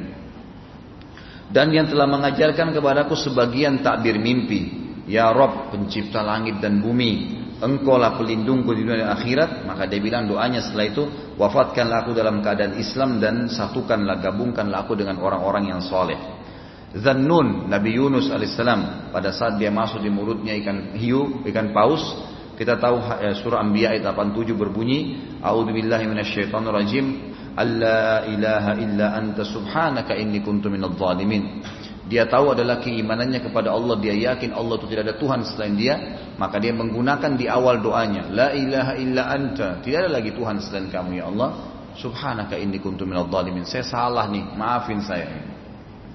Kemudian juga dikatakan surah Al-Qasas ayat 16, Rabbi inni zalamtu nafsi faghfirli. Nabi Musa alaihissalam mengatakan, Ya Allah aku telah menzalimi diriku maka maafkanlah. Menggunakan istilah atau nama Rabbi ya ya Tuhanku. Ini juga termasuk memanggil istilah ini kemudian juga dia berkata dalam surah Ghafir ayat 27 inni uttu bi rabbi wa rabbikum min kulli mutakabbirin la bi yaumil hisab sesungguhnya aku berlindung kepada Rabbku dan Rabb kalian yang dari orang yang menyombongkan diri dan tidak beriman kepada hari hisab jadi waktu itu Fir'aun menolak terus berusaha membunuh terus Musa dan pengikutnya maka Nabi Musa alaihissalam menjadikan kejahatannya Fir'aun, gitu kan? Kata, kata Nabi Musa alaihissalam, ya, aku berlindung kepada Robku dan Rob kalian. Tuhan kita cuma satu kepada Bani Israel ini. Dari setiap orang, maksudnya Fir'aun dan pengikutnya yang menyombongkan diri dan tidak beriman kepada hari hisab. Nabi Ibrahim dan Nabi Ismail alaihissalam setelah selesai membangun Ka'bah, perintah Allah Ka'bah itu. Dia mengatakan, Rabbana taqabbal minna innaka antas samiul alim. Dalam surah Al-Baqarah 127, wahai Rabb kami, terimalah amalan kami. Sesungguhnya engkau yang maha mendengar lagi maha mengetahui. Sudah jelas Allah yang perintahkan, sudah diikuti semua syarat-syaratnya, tapi masih juga bertawassul dengan Allah dengan cara menyebutkan, Ya Allah terima nih. Gitu kan? Ya Allah terima Salat, bubar dari salat kita bilang Rabbana taqabbal minna. Habis puasa Rabbana taqabbal minna. Habis baca Quran Rabbana taqabbal minna. Ini juga termasuk. Kemudian Nabi Adam dan Hawa Ini dalil terakhir dalam dalil naklinya Surah Al-Araf ayat 23 A'udhu billahi minasyaitan rajim Rabbana zalamna anfusana Wa in lam takfilana wa tarhamna Lanakunanna minal khasirin. Dia akui kesalahannya Baru dia berdoa gitu kan? Rabbana zalamna anfusana. Habis makan buah khuldi maka dia mengaku ya Allah kami zalimi diri kami. Kami salah nih. Kalau kalau engkau tidak memaafkan kami karena kami sudah mengaku salah maka pasti dan kamu tidak kasihani kami termasuk pasti orang-orang yang rugi Jadi di sini dia bertawassul dengan doanya itu sendiri kemudian kita tutup dengan dalil-dalil akli dan ini nanti insya Allah pertemuan akan datang kita akan sambung ke pasal ke-15 ini berentetan nih kalau pasal ke-13-nya kemarin itu tentang tauhid ibadah. Bagaimana itu ibadah pada definisinya yang sekarang malam ini kita bahas tentang jenis-jenis cara mendekatkan diri dengan Allah Subhanahu wa taala dan memberikan yang terbaik kepada Allah. Nanti yang pasal ke-15 kita bahas tentang wali Allah dan wali syaitan. Nanti orang-orang yang sangat dekat dengan Allah Subhanahu wa taala itu akan sampai pada tingkat kewalihan dan akan kita panjang lebar bahas itu. Kita tutup dengan tiga poin dalil akli. Secara akal, kalau memang harusnya kita dekatkan diri kepada Allah Subhanahu Wa Taala dan memberikan yang terbaik.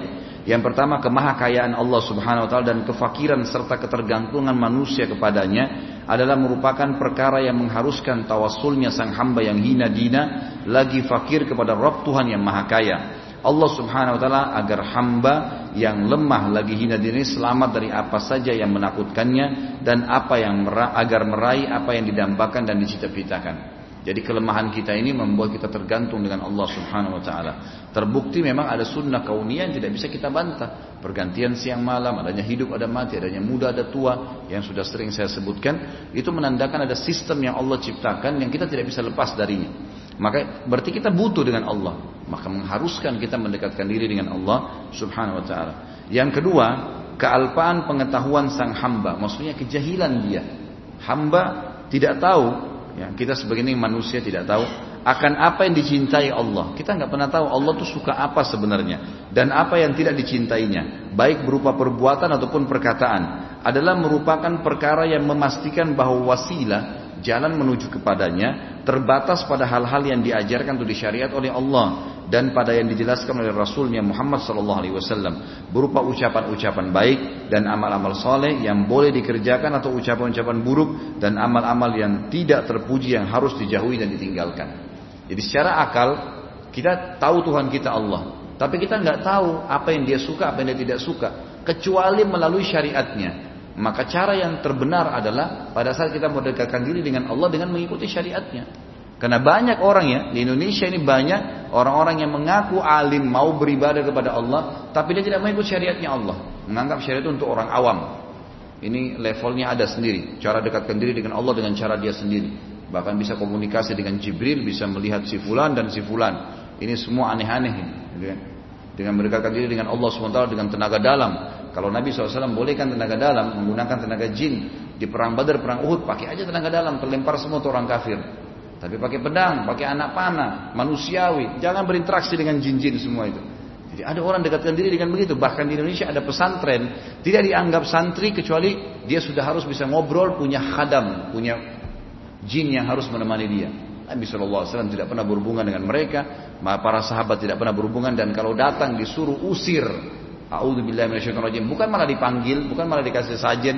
Nah ini karena mereka mau dekatkan diri dengan Allah tidak pakai hukum syariatnya Allah.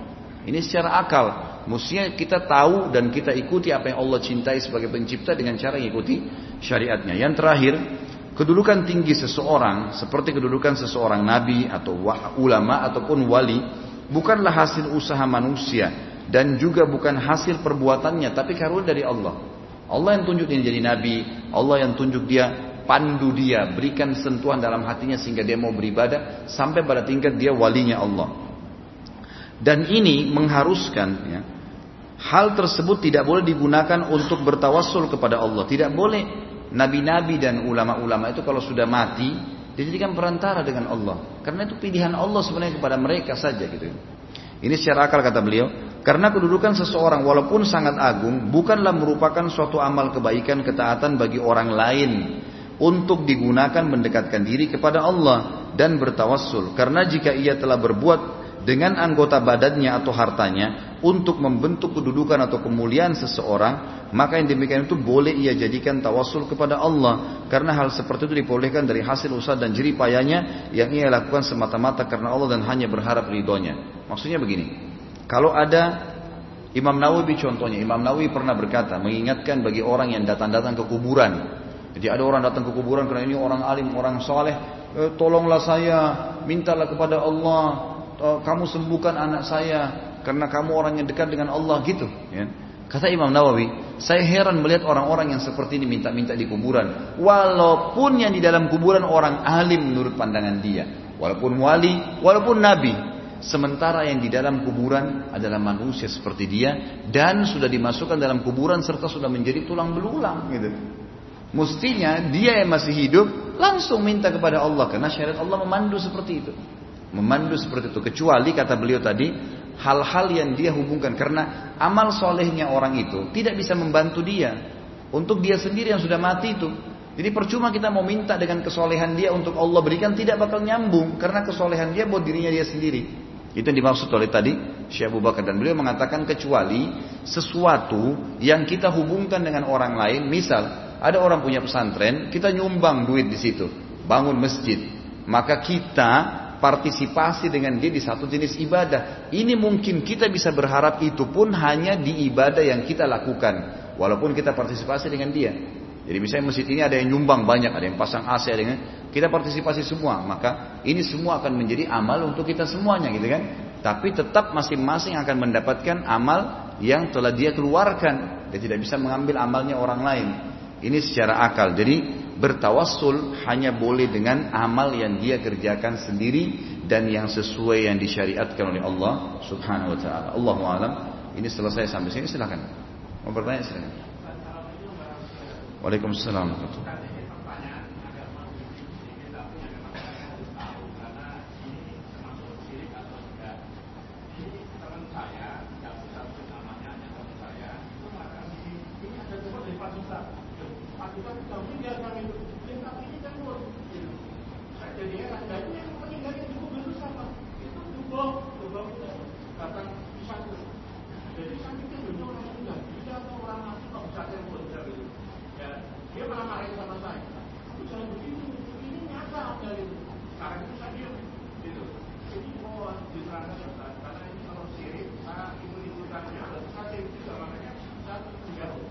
Ya.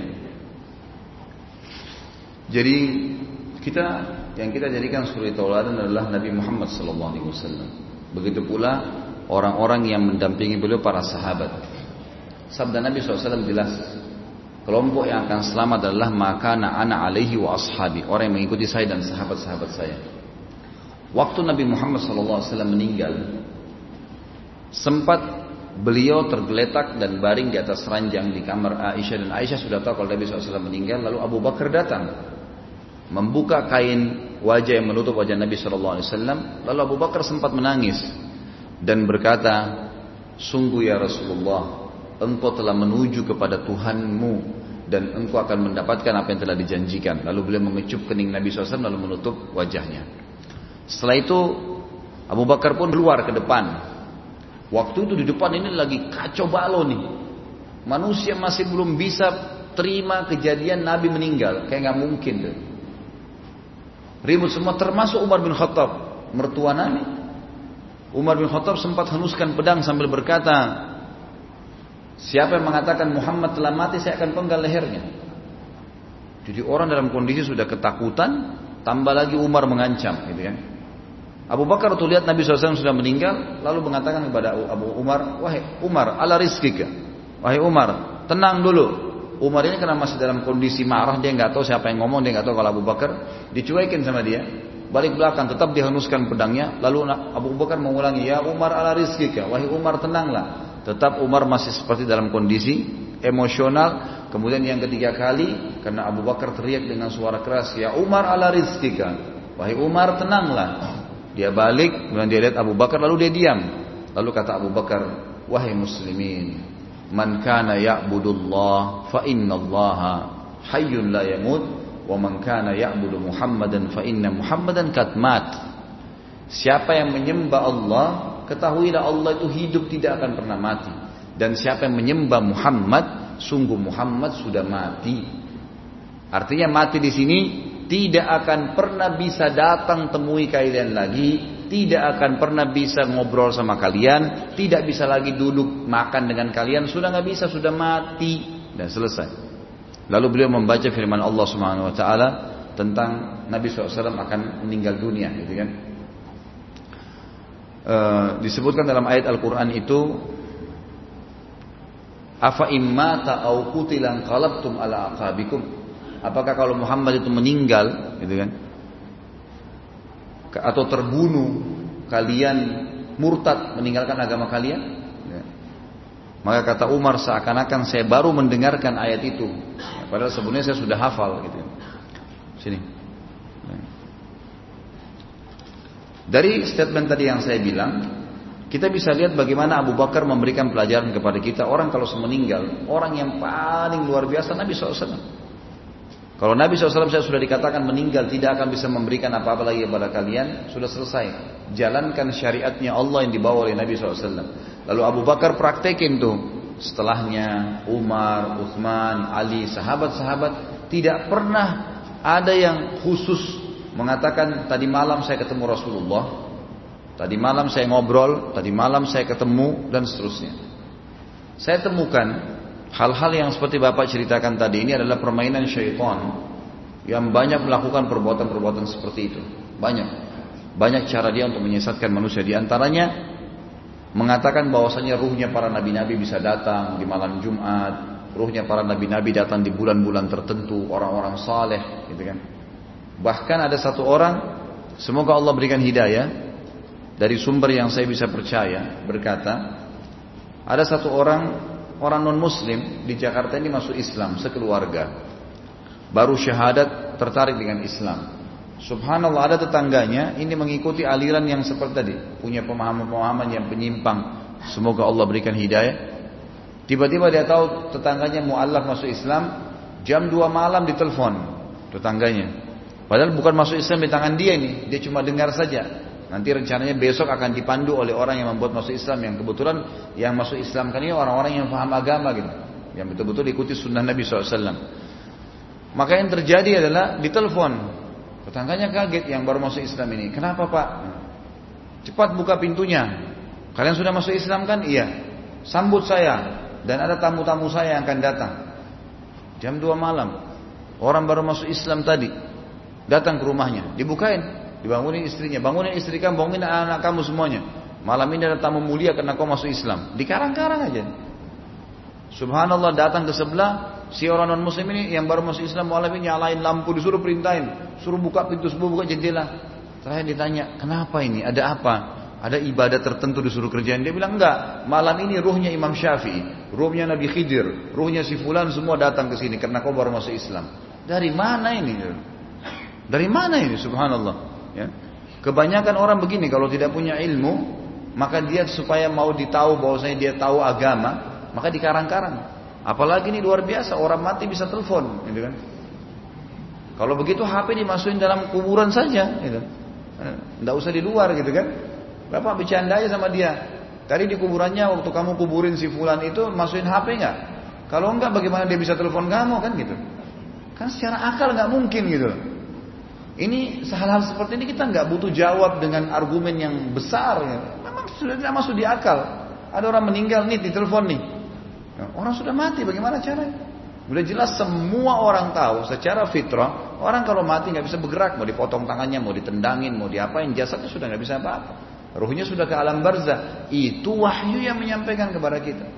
Apa yang dia bahasakan itu orang mati bisa bicara itu sudah tidak mungkin, itu sudah mustahil. Itu dikarang-karang. Dia mau datangkan satu juta argumen tidak akan kita percaya. Kita orang beriman kepada Allah SWT. Kita punya jelas hujah, gitu kan?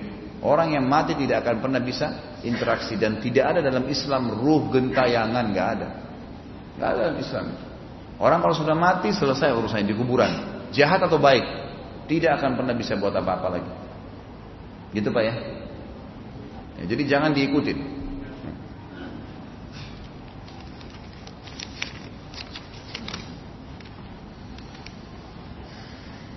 Kami perusahaan jasa digital. Waalaikumsalam warahmatullahi wabarakatuh.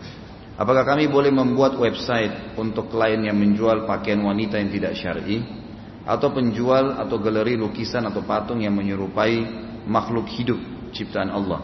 Hubungkan semua pendapatan kita, semua pergaulan kita, semua makanan, minuman, apa saja dengan apa yang Allah bolehkan atau Allah haramkan. Syubhat saja tinggalkan. Ragu jangan dilakukan. Jangan dilakukan. Kalau masalah hukum menjual baju, kalau kita tahu misal ya lokasi kayak di Saudi, saya kasih contoh saja di Saudi itu dijual ada toko jual baju-baju kayak kita banyak, baju-baju perempuan gitu kan. Dijual. Tapi umumnya masyarakat wanitanya pakai jilbab semua, pakai cadar kalau keluar. Kalau mereka beli baju itu mereka pakai di rumah sama mahramnya. Nggak ada syubhat di situ. Atau misalnya ada seorang memang jual baju secara umum lah, yang beli mungkin ibu-ibu memang dia pakai di rumahnya. Allah alam itu mungkin bisa. Tapi kalau kita jual baju jelas baju ini lagi dipassionkan ditampilkan siapa memang sengaja diperlihatkan pahanya disengaja diperlihatkan ini dengan model baju ini. Yang jelas akan ditontonkan seperti itu kita sudah tahu maka terlibat Rezeki di jalan Allah, rezeki itu di tangan Allah, bukan di tangan orang-orang. Gak usah khawatir. Gitu ya. Masih banyak, masih banyak insya Allah jasa yang bisa kita lakukan, gitu kan? Apalagi kalau sampai galeri lukisan dan patung, wah ini lebih parah ini. Kalau baju itu masih mending, mungkin ya, masih setengah-setengah. Pernah beberapa masyai ditanya, bolehkah kami jual televisi, gitu kan? Elektronik, jawabannya sederhana, kalau Anda berada di negara yang mayoritas acaranya bagus, menuntun agama, jual TV itu. Tapi kalau Anda di negara yang begitu orang beli TV pasti rusak, jangan jual. Udah selesai. Artinya kalau oh tapi kan saya mau jual ya sudah silahkan kalau anda mau jual. Tapi ini sudah jelas. Artinya kita tahu ini kalau dibawa di rumahnya ini sebentar langsung nonton dandut. Langsung perempuan kelihatan pahanya nih, langsung sinetron cerita bohong-bohong, langsung mengkhayal yang pocong keluar dari kuburan, yang khayal merusak akidah. Terlibat kita di situ, ngapain? Tapi kalau memang di situ acara televisinya kita tahu bagus, gitu kan? Ya lain. Teman-teman kita sekarang ada yang pasang parabola, gitu kan? Banyak termasuk teman-teman di Wesal TV, sekarang yang TV-TV yang sedang berkembang TV Islam, mereka jual parabola, tapi mereka jualkan jasa program TV-TV Islam yang lainnya ditutup. Ditutup. Sekali kalau tidak terbuka lagi nanti jadi masalah baru lagi. Jadi seperti itu Allah alam. Yang saya sarankan kalau anda mau lebih aman, ya minta kepada Allah swt. Profesi saya begini ya Allah, tuntunkanlah hamba kepada orang-orang yang memang wajar bisa menggunakan jasa hamba Pak. Doa, gitu kan. Mohon advice mengenai rambu-rambu yang harus kami perhatikan dalam jalan menjalankan bisnis digital agar tetap terjaga secara syar'i. Mungkin ada website atau buku sebagai panduan.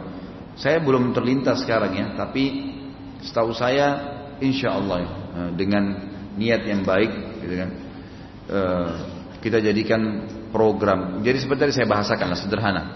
Kalau apa yang eh, apa yang akan kita lakukan atau yang akan kita jadikan sebagai klien kita atau apa yang kita tawarkan proposal atau proyek kita akan berhubungan dengan hal-hal yang ada haramnya atau syubhatnya jauhi. Larikan kepada hal-hal yang positif. Insya Allah mudah-mudahan akan ada jalan keluarnya. Tentu saya tidak bisa rincikan karena tidak terlintas di benak saya sekarang. Tapi cukuplah ya. Kita firman Allah SWT yang berbunyi A'udzubillahi minasyaitonirrajim Innallaha la yughayyiru ma biqaumin hatta yughayyiru ma bi anfusihim. Allah nggak akan ubah keadaan satu kaum dari buruk menjadi baik, dari baik menjadi lebih baik kecuali mereka memulai dengan diri mereka sendiri. Insya Allah Allah bukain tuh jalan. Kita stopkan dulu yang haram seperti gini. Kalau rumah kita lagi bocor, temboknya lubang, angin kencang masuk.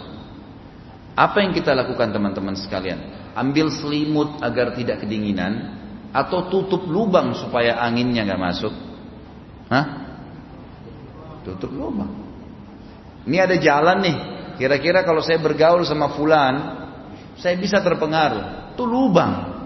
Jangan bilang, Enggak, saya tetap istiqomah dengan penampilan saya dia juga dengan penampilannya. Saya tidak akan terpengaruh. Enggak, itu sama dengan kita pakai selimut saja. Selimutnya bisa ditarik sama dia itu. Mungkin ditarik dengan kasar atau ditarik pelan-pelan sampai nanti tidak pakai selimut. Baju kita pun bisa dibuka sama dia. Tapi kalau ditutup lubangnya nggak bisa. Tutup. Maaf ya, saya nggak sejalan dengan kamu. Emang begitu tuh the point. Ini masalah keimanan, tidak boleh main-main.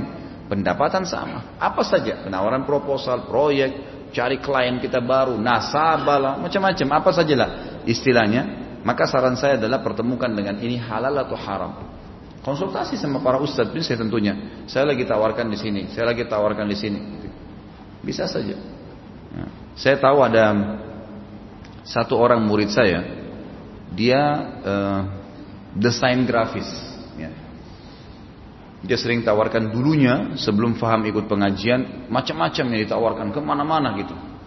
Bahkan ini luar biasa nih, ya, ke mana-mana desain-desainnya dia mungkin sudah sampai ke diskotik lah, ke mana-mana lah, ya, pembuatan maksiat. Faham agama ditinggalkan. Ini apa solusinya nih? Siapa yang bisa kita kasih desain grafis nih yang nilainya tinggi? Taubat dulu, tutup dulu temboknya. Allah kasih jalan keluar. Yakin dengan itu sambil berdoa. Subhanallah, ada mungkin kevakuman sebulan dua bulan, setelah itu mulai berpikir, mulai oh terpikir ada perbankan syariah, mungkin bisa kita tawarkan nih. Masuk tuh buat katalog-katalognya, brosur-brosurnya, buat ini, buat itu. Ternyata satu dibuka, terbuka yang lainnya tuh.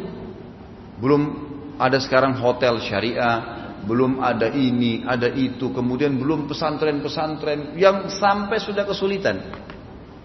Saya kedatangan juga dua orang pengusaha muda, masya Allah. Sekarang saya isi pengajian di pabriknya, pabrik pembuatan karpet gitu. Kalau saya bahasakan karpet yang anda sedang dudukin nih, pemiliknya ini, pabriknya datang kepada saya, duduk kepada saya, Ustaz, yang satu dulu pernah kerja di bank, berhenti. Yang satu pernah apa gitu, saya tidak ingat. Tapi masya Allah, mereka sepakat keluar, coba bisnis kembangin bisnis karpet. Kadang-kadang kalau saya sama saya Ustaz, ini penawaran karpet ini banyak nih. Hotel bintang lima lah, apalah diskotik lah, banyak macam-macam ini penawaran karpet. Mewah-mewah, pendapatannya besar. Jangan akhi, saudaraku jangan buka pintu haram. Allah mudahin. Coba masjid, coba ada yang lain, nanti Allah bukain tuh. Sekarang sampai sekarang dia bahasakan sama saya, Alhamdulillah Ustaz. Saya buka masjid saja, Sampai sekarang antri, saya susah layanin sampai buka dua tempat pabrik. Sudah susah saya layanin. Gara-gara saya tahan dari itu hari Ustadz larang, saya tahan, saya nggak mau. Sekarang Allah bukain saya keselepotan sendiri. Proyek untuk nyiapin karpet masjid saja sudah kadang-kadang antri dua bulan, tiga bulan baru dikasih. Meninggalkan sesuatu, tutup dulu pintu yang haram itu, nanti Allah alirkan tuh. Gitu kan? Jangan anginnya dibiarin, cuma pakai selimut tadi nggak bisa. Allah alam. Pada hari Ahad yang lalu kami melihat ada parade tauhid dengan turun ke jalan-jalan diikuti oleh laki-laki dan perempuan. Apa hukum syari atas parade atau konvoy seperti ini yang menyebabkan kemacetan? Kalau tidak ada unsur politik, ini saya sudah sering ditanya sebelum terjadi malah. Tidak ada unsur politik, tidak ada maslahat pribadi, murni memperlihatkan kekuatan muslimin tidak apa-apa. Pendapat saya pribadi nggak apa-apa, nggak masalah itu. Tapi kalau ada unsur politik, ada unsur maslahat pribadi jangan. Gitu kan? Seperti orang memang demo karena parpol tertentu itu lain. Tapi kalau memang murni memperlihatkan kekuatan muslimin di saat sekarang ini memang kalau saya melihat pribadi ada keprihatinan terhadap pemerintahan kita gitu kan. Keprihatinan terhadap negara ini. Banyaknya penyimpangan-penyimpangan, banyaknya pelanggaran agama dan umat Islam ini seperti dilihat sebelah mata. Jadi umat Islam ada yang marah-marah pun dianggap biasa. Karena nggak ada yang menguasai media. Ngoceh-ngoceh di luar sana seperti orang ini orang lagi main bola di lapangan bola, orang Islam ini teriak dari lapangan luar. Oh, oi, gak ada gunanya biar habis suaranya nggak didengar. Nah ternyata dengan menunjukkan kekuatan muslimin, tidak ada masalah politik. Kita ini sebenarnya kuat loh masanya, cuma kita belum berbicara, misal. Itu lain. Allah alam, saya tidak melihat ada masalah di situ. Kecuali saya bilang tadi ada hal-hal yang buruk gitu. Kalau masalah kemacetan ya mungkin saja bisa, tapi kan minta izin sama pemerintah. Dan ini bukan untuk setiap demo ya, saya tidak mendukung demo-demo. Kalau demo-demo yang sampai merusak, membakar itu semua tidak ada. Sama sekali tidak saya dukung. Tapi yang khusus masalah parade menunjukkan kekuatan Islam, parade tauhid artinya sekarang ini lagi lagi menginternasional, ya itu. Orang-orang memberikan isyarat dengan tauhid. Allah satu gitu kan. Seperti itulah. Jadi itu lagi di demo lagi di lagi dikampanyekan lah istilahnya. Tidak membawa nama organisasi, nama apa, tidak ada, lintas semua itu. Maka Allah alam saya lihat kalau tidak ada masalah pribadi insya Allah tidak apa-apa gitu ya. Apakah mengusap muka setelah sholat ada contohnya dari sahabat atau tidak dilarang Rasul? Tidak pernah ada contohnya. Jadi ibadah itu sifatnya tauqifiyah namanya. Tauqifi itu berhenti sampai ada dalil yang membolehkan. Itu ibadah. Kita nggak boleh lakukan satu ibadah sampai ada dalil yang mengatakan kerjakanlah. Beda dengan muamalah. Muamalah itu seperti perilaku kita sehari-hari lah ya. Boleh kita kerjakan sampai ada larangan. Kita mau cocok tanam buah apa saja, boleh. Muamalah itu, gitu kan? Sampai memang ada larangan. Oh, tapi pohon ini nggak boleh ya. Pohon yang bisa menghasilkan ganja misalnya nggak boleh. Yang lain berarti boleh. Tapi kalau ibadah, sholat, puasa, apa saja ibadah kepada Allah itu nggak boleh kecuali harus ada dalil dulu baru dikerjakan. Namanya tauqifiyah. Yang saya tahu tidak pernah ada disebutkan dalam hadis Nabi dalam sifat sholatnya Nabi SAW habis sholat beliau mengusap wajah. Itu tidak pernah ada. Sama halnya juga dengan membalikan telapak tangan ke kanan dan ke kiri. Apakah menambah kata Sayyidina ketika bersalawat hal yang baik dan diperbolehkan? Ini kalau di dalam lafat khusus. Lafat khusus yang diajarkan Nabi SAW maka tidak digunakan sayyidina. Seperti misalnya salawat pada saat lagi sholat tahiyat. Memang lafat hadisnya Allahumma salli ala Muhammadin wa ala ali Muhammadin begitu. Banyak orang-orang Indonesia, orang-orang kita di Asia lah secara umum ya, kita merasa tidak menghormati orang tua kalau panggil namanya, gitu kan? Itu tradisi kita. Positif saja, tetapi tidak boleh kita pukul rata. Ini berarti harus seperti itu, karena di zaman Nabi Wasallam pada saat wahyu turun, kita dianjurkan untuk mengikuti apa yang sudah diajarkan. Kata Nabi SAW, semoga Allah merahmati seorang hamba yang mengucapkan seperti apa yang saya sampaikan. Hadis sahih itu, gitu kan? Jadi memang Nabi SAW ajarkan salawatnya Allah salli ala Muhammadin wa ala ali Muhammad ya begitulah salawatnya. Itu tidak mengurangi kadar Nabi Wasallam sama sekali, gitu kan? Kalau di luar lafat-lafat khusus yang Nabi sudah tunjuk, misal kita hanya sekedar lagi menyebutkan nama Nabi Muhammad sallallahu alaihi wasallam. Lalu kita mengatakan Sayyidina Muhammad, Tuan kami Muhammad. Tidak ada hubungannya sama baca salawat, sholat yang sudah ada lafadznya ya. Itu masih dibolehkan oleh para ulama. Masih dibolehkan. Tetapi perlu kita tahu, Nabi kita Muhammad sallallahu alaihi wasallam lebih suka kalau dipanggil Nabi dan Rasul. Lebih suka. Makanya kita temukan hadis-hadis qala Rasulullah, qala Nabiyyu. Enggak pernah ada kan qala Sayyidina. Pernah? Enggak pernah Sayyidina. Karena Nabi itu dan Rasul lebih tinggi daripada Sayyid. Sayyid cuma tuan. Semua orang bisa diberikan julukan tuan, tapi tidak semua orang julukan Nabi dan Rasul. Gunakan kata Nabi dan Rasul. Kata Nabi SAW, jangan kalian puji-puji saya melampaui batas seperti Nasara memuji Isa, tapi katakanlah saya hamba Allah dan Rasulnya. Abdullahi wa Rasuluh. Itu lebih baik. Maka kita lebih baik mengatakan Nabi Yuna, Rasuluna. Itu lebih baik, lebih tepat. Bagaimana caranya sabar menahan kebiasaan buruk, yang mana kebiasaan itu dapat menjerumuskan ke neraka. Jadi kalau Anda mau meninggalkan sebuah perbuatan salah, saran saya mencari tahu ancaman Allah di dosa itu. Ada seseorang terbiasa bohong. Gimana caranya? Supaya saya tinggalkan bohong. Maka yang paling efektif mengalahkan semua pembicara di depan mata kita yang akan menasihati walaupun dia seorang raja atau presiden atau orang tua kita adalah mencari tahu ancaman Allah di dosa itu. Karena wahyu itu menyentuh hati. Oh orang dusta ini diapain nih? Nanti lidahnya dipotong, dikasih timah panas. Siksaannya apa tuh? Di alam barzah dan di neraka. Orang riba diapain? Orang zina diapain? Durhaka sama orang tua diapain? Saya sarankan teman-teman ikutin. Ada ceramah saya. Seratus lebih itu. Dosa besar di Youtube. Dosa besar. Setiap dosa kita bahas sekitar sejam dua jam. Panjang lebar dijelaskan, gitu kan? Maka cari tahu di situ dengan dalil-dalilnya diapakan, diapakan, diapakan, hukumannya apa. Kita akan tinggalkan tuh. Sama bapak-bapak dan ibu sekalian kalau mau rajin ibadah cari tahu janjinya Allah di ibadah itu. Kalau bapak ibu mau rajin sholat malam, sebelum tidur cari tahu apa janji Allah di sholat malam tuh. Oh ternyata kalau tertinggal sepertiga malam Allah turun ke langit bumi, Allah menerima hajat orang-orang yang punya hajat, Allah tolong orang yang minta tolong, Allah ampuni orang yang minta taubat. Ada sesuatu yang kita dapatkan, cari tahu janjinya Allah. Bahasa ceramahnya itu adalah fadilahnya. Setiap mau ibadah cari fadilahnya kita akan termotivasi. Setiap kita berbuat dosa, baca ancamannya kita akan tinggalkan dengan izin Allah. Kalau kita sholat berjamaah, setelah imam bangkit dari ruku membaca sami Allahu liman hamidah. Apa kita sebagai makmum tepat membaca juga atau langsung Rabbana walakal hamd?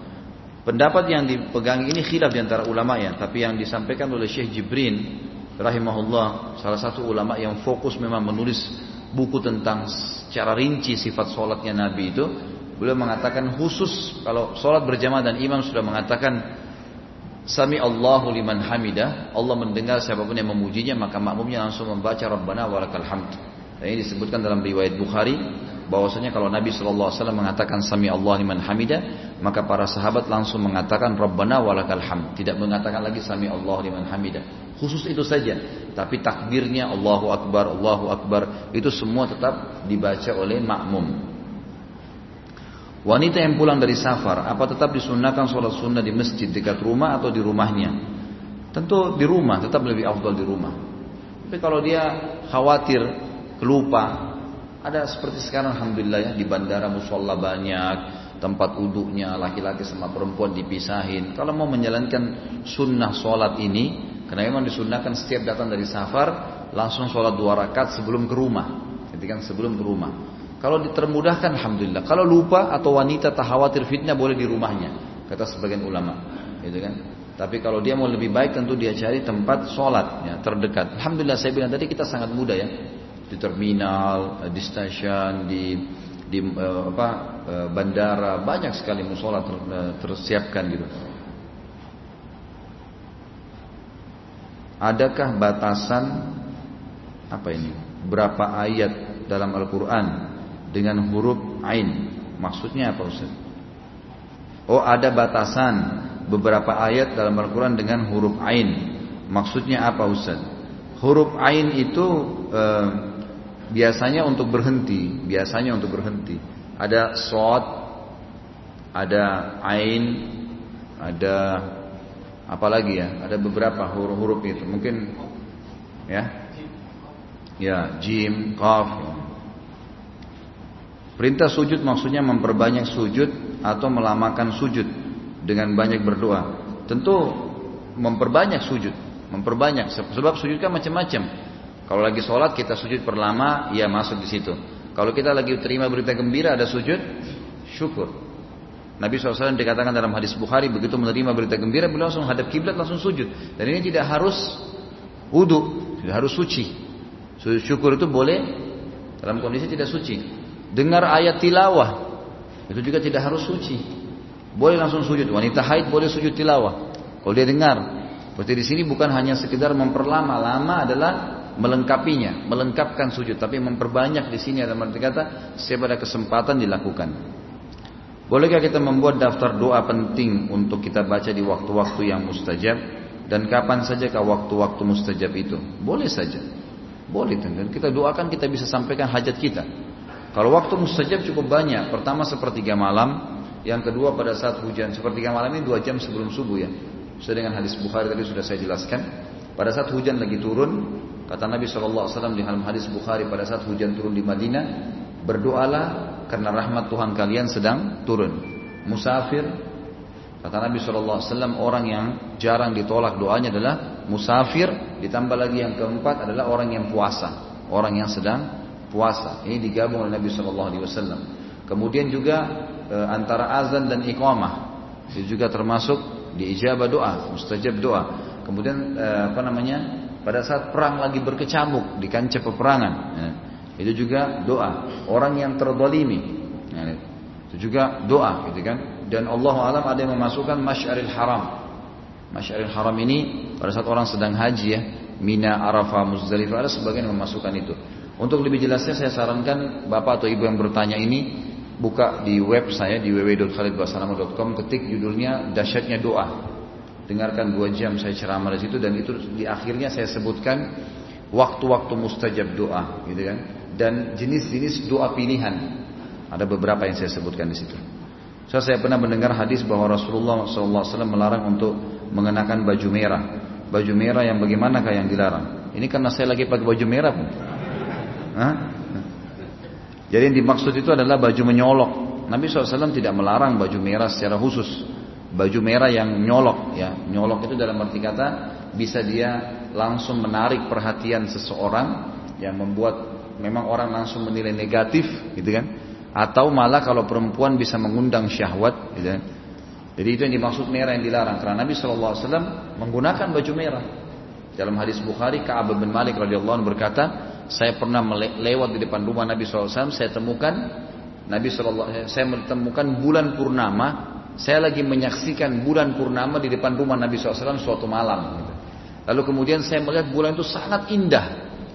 Lagi saking indahnya saya tidak ingin mengalihkan pandangan mata saya. Tiba-tiba suara pintu rumah Nabi SAW kedengar. Dia dibuka. Lalu saya lihat Nabi SAW keluar, baru selesai mandi menyisir rambutnya dengan rapi ke belakang dan menggunakan jubah berwarna merah. Hadisnya begitu, hadis Bukhari. Maka saya melihat ke arah Nabi SAW, saya menemukan Nabi SAW lebih indah daripada bulan itu. Jadi ada, ada riwayat yang mengatakan Nabi SAW menggunakan baju merah dan ada garis hitamnya. Tapi yang Allah alam yang saya tahu di sini adalah baju merah yang menyolok, menyolok. Kapan sambungan Sirah Nawawi diupload lagi? Nah ini ada, Mas Diarto tanya. Yang keberapa antum sudah naikin nih? Tadi sudah. Itu berarti sudah naik. Insya Allah yang terakhir perang khandak. Ya. Yang terakhir perang khandak. Mohon dibuat format file audionya Ustaz. Lalu download di YouTube filenya besar. Saya rasa sudah dikecilin ya. Jadi kalau yang sekarang itu antum kalau download di web ya. Mungkin lebih baik di web kali ya daripada YouTube. Ya, Mas Tirto. Ya, nanti akan ada MP3. Ada audio saja. Tapi untuk eh, saya temukan ada beberapa jemaah saya di HP-nya itu malah penuh ceramah saya di download. Karena juga filenya sudah dikecilin ya kalau di web itu. Jadi kajian kitab-kitab besar pun kayak Minhajul Muslim ini, kajian Bulughul Maram, e, Sirah Nabawiyah yang setiap materi 2 jam, 3 jam kita bahas, itu semuanya sudah dikecilin filenya sehingga bisa di-download di HP, tidak terlalu berat insya Allah. Audio juga sudah kita naikkan dan insya Allah nanti bisa hubungin Mas Tiarto nanti bagaimana e, kelanjutan itu dan itu sudah ada insya Allah. Alhamdulillah sudah selesai. Mudah-mudahan Allah berkahi majelis kita ini dan tentu saja kita berharap kepada Allah yang Maha Hidup, yang Maha berdiri sendiri, yang Maha Pengasih lagi Maha Penyayang untuk mengampuni semua, menggantikan semua dosa-dosa kita menjadi pahala seluruh amal-amal kita yang sudah kita lakukan dan yang belum kita lakukan diterima olehnya dan juga orang yang belum dapat hidayah diberikan petunjuk orang yang sudah dapat hidayah dimudahkan untuk mengamalkan ilmunya dan seluruh muslimin di mana pun mereka berada di Palestina, di Syria, di Yaman, di Myanmar, di Irak, diberikan kekuatan dan kemenangan oleh Allah Subhanahu wa taala dan dimuliakan Islam di tangan mereka dan Allah partisipasikan kita bersama mereka baik dengan doa kita seperti ini, jasad kita dan juga dengan uh, harta kita dan semoga Allah SWT dengan kemahamurahannya menyatukan kita di surga Firdausya tanpa hisab sebagaimana Allah satukan kita di masjid yang mulia ini. Mudah-mudahan apa yang Bapak Ibu lakukan hadir di majelis ilmu begini dijadikan juga ditambahkan di timbangan amal yang soleh pada hari kiamat nanti. Mungkin begitu kalau ada benar dari Allah, kalau ada salah dari saya mohon dimaafkan. Subhanakallahumma wa bihamdika asyhadu an la ilaha illallah astaghfirullah wa atubu ilaik. Wassalamualaikum warahmatullahi wabarakatuh.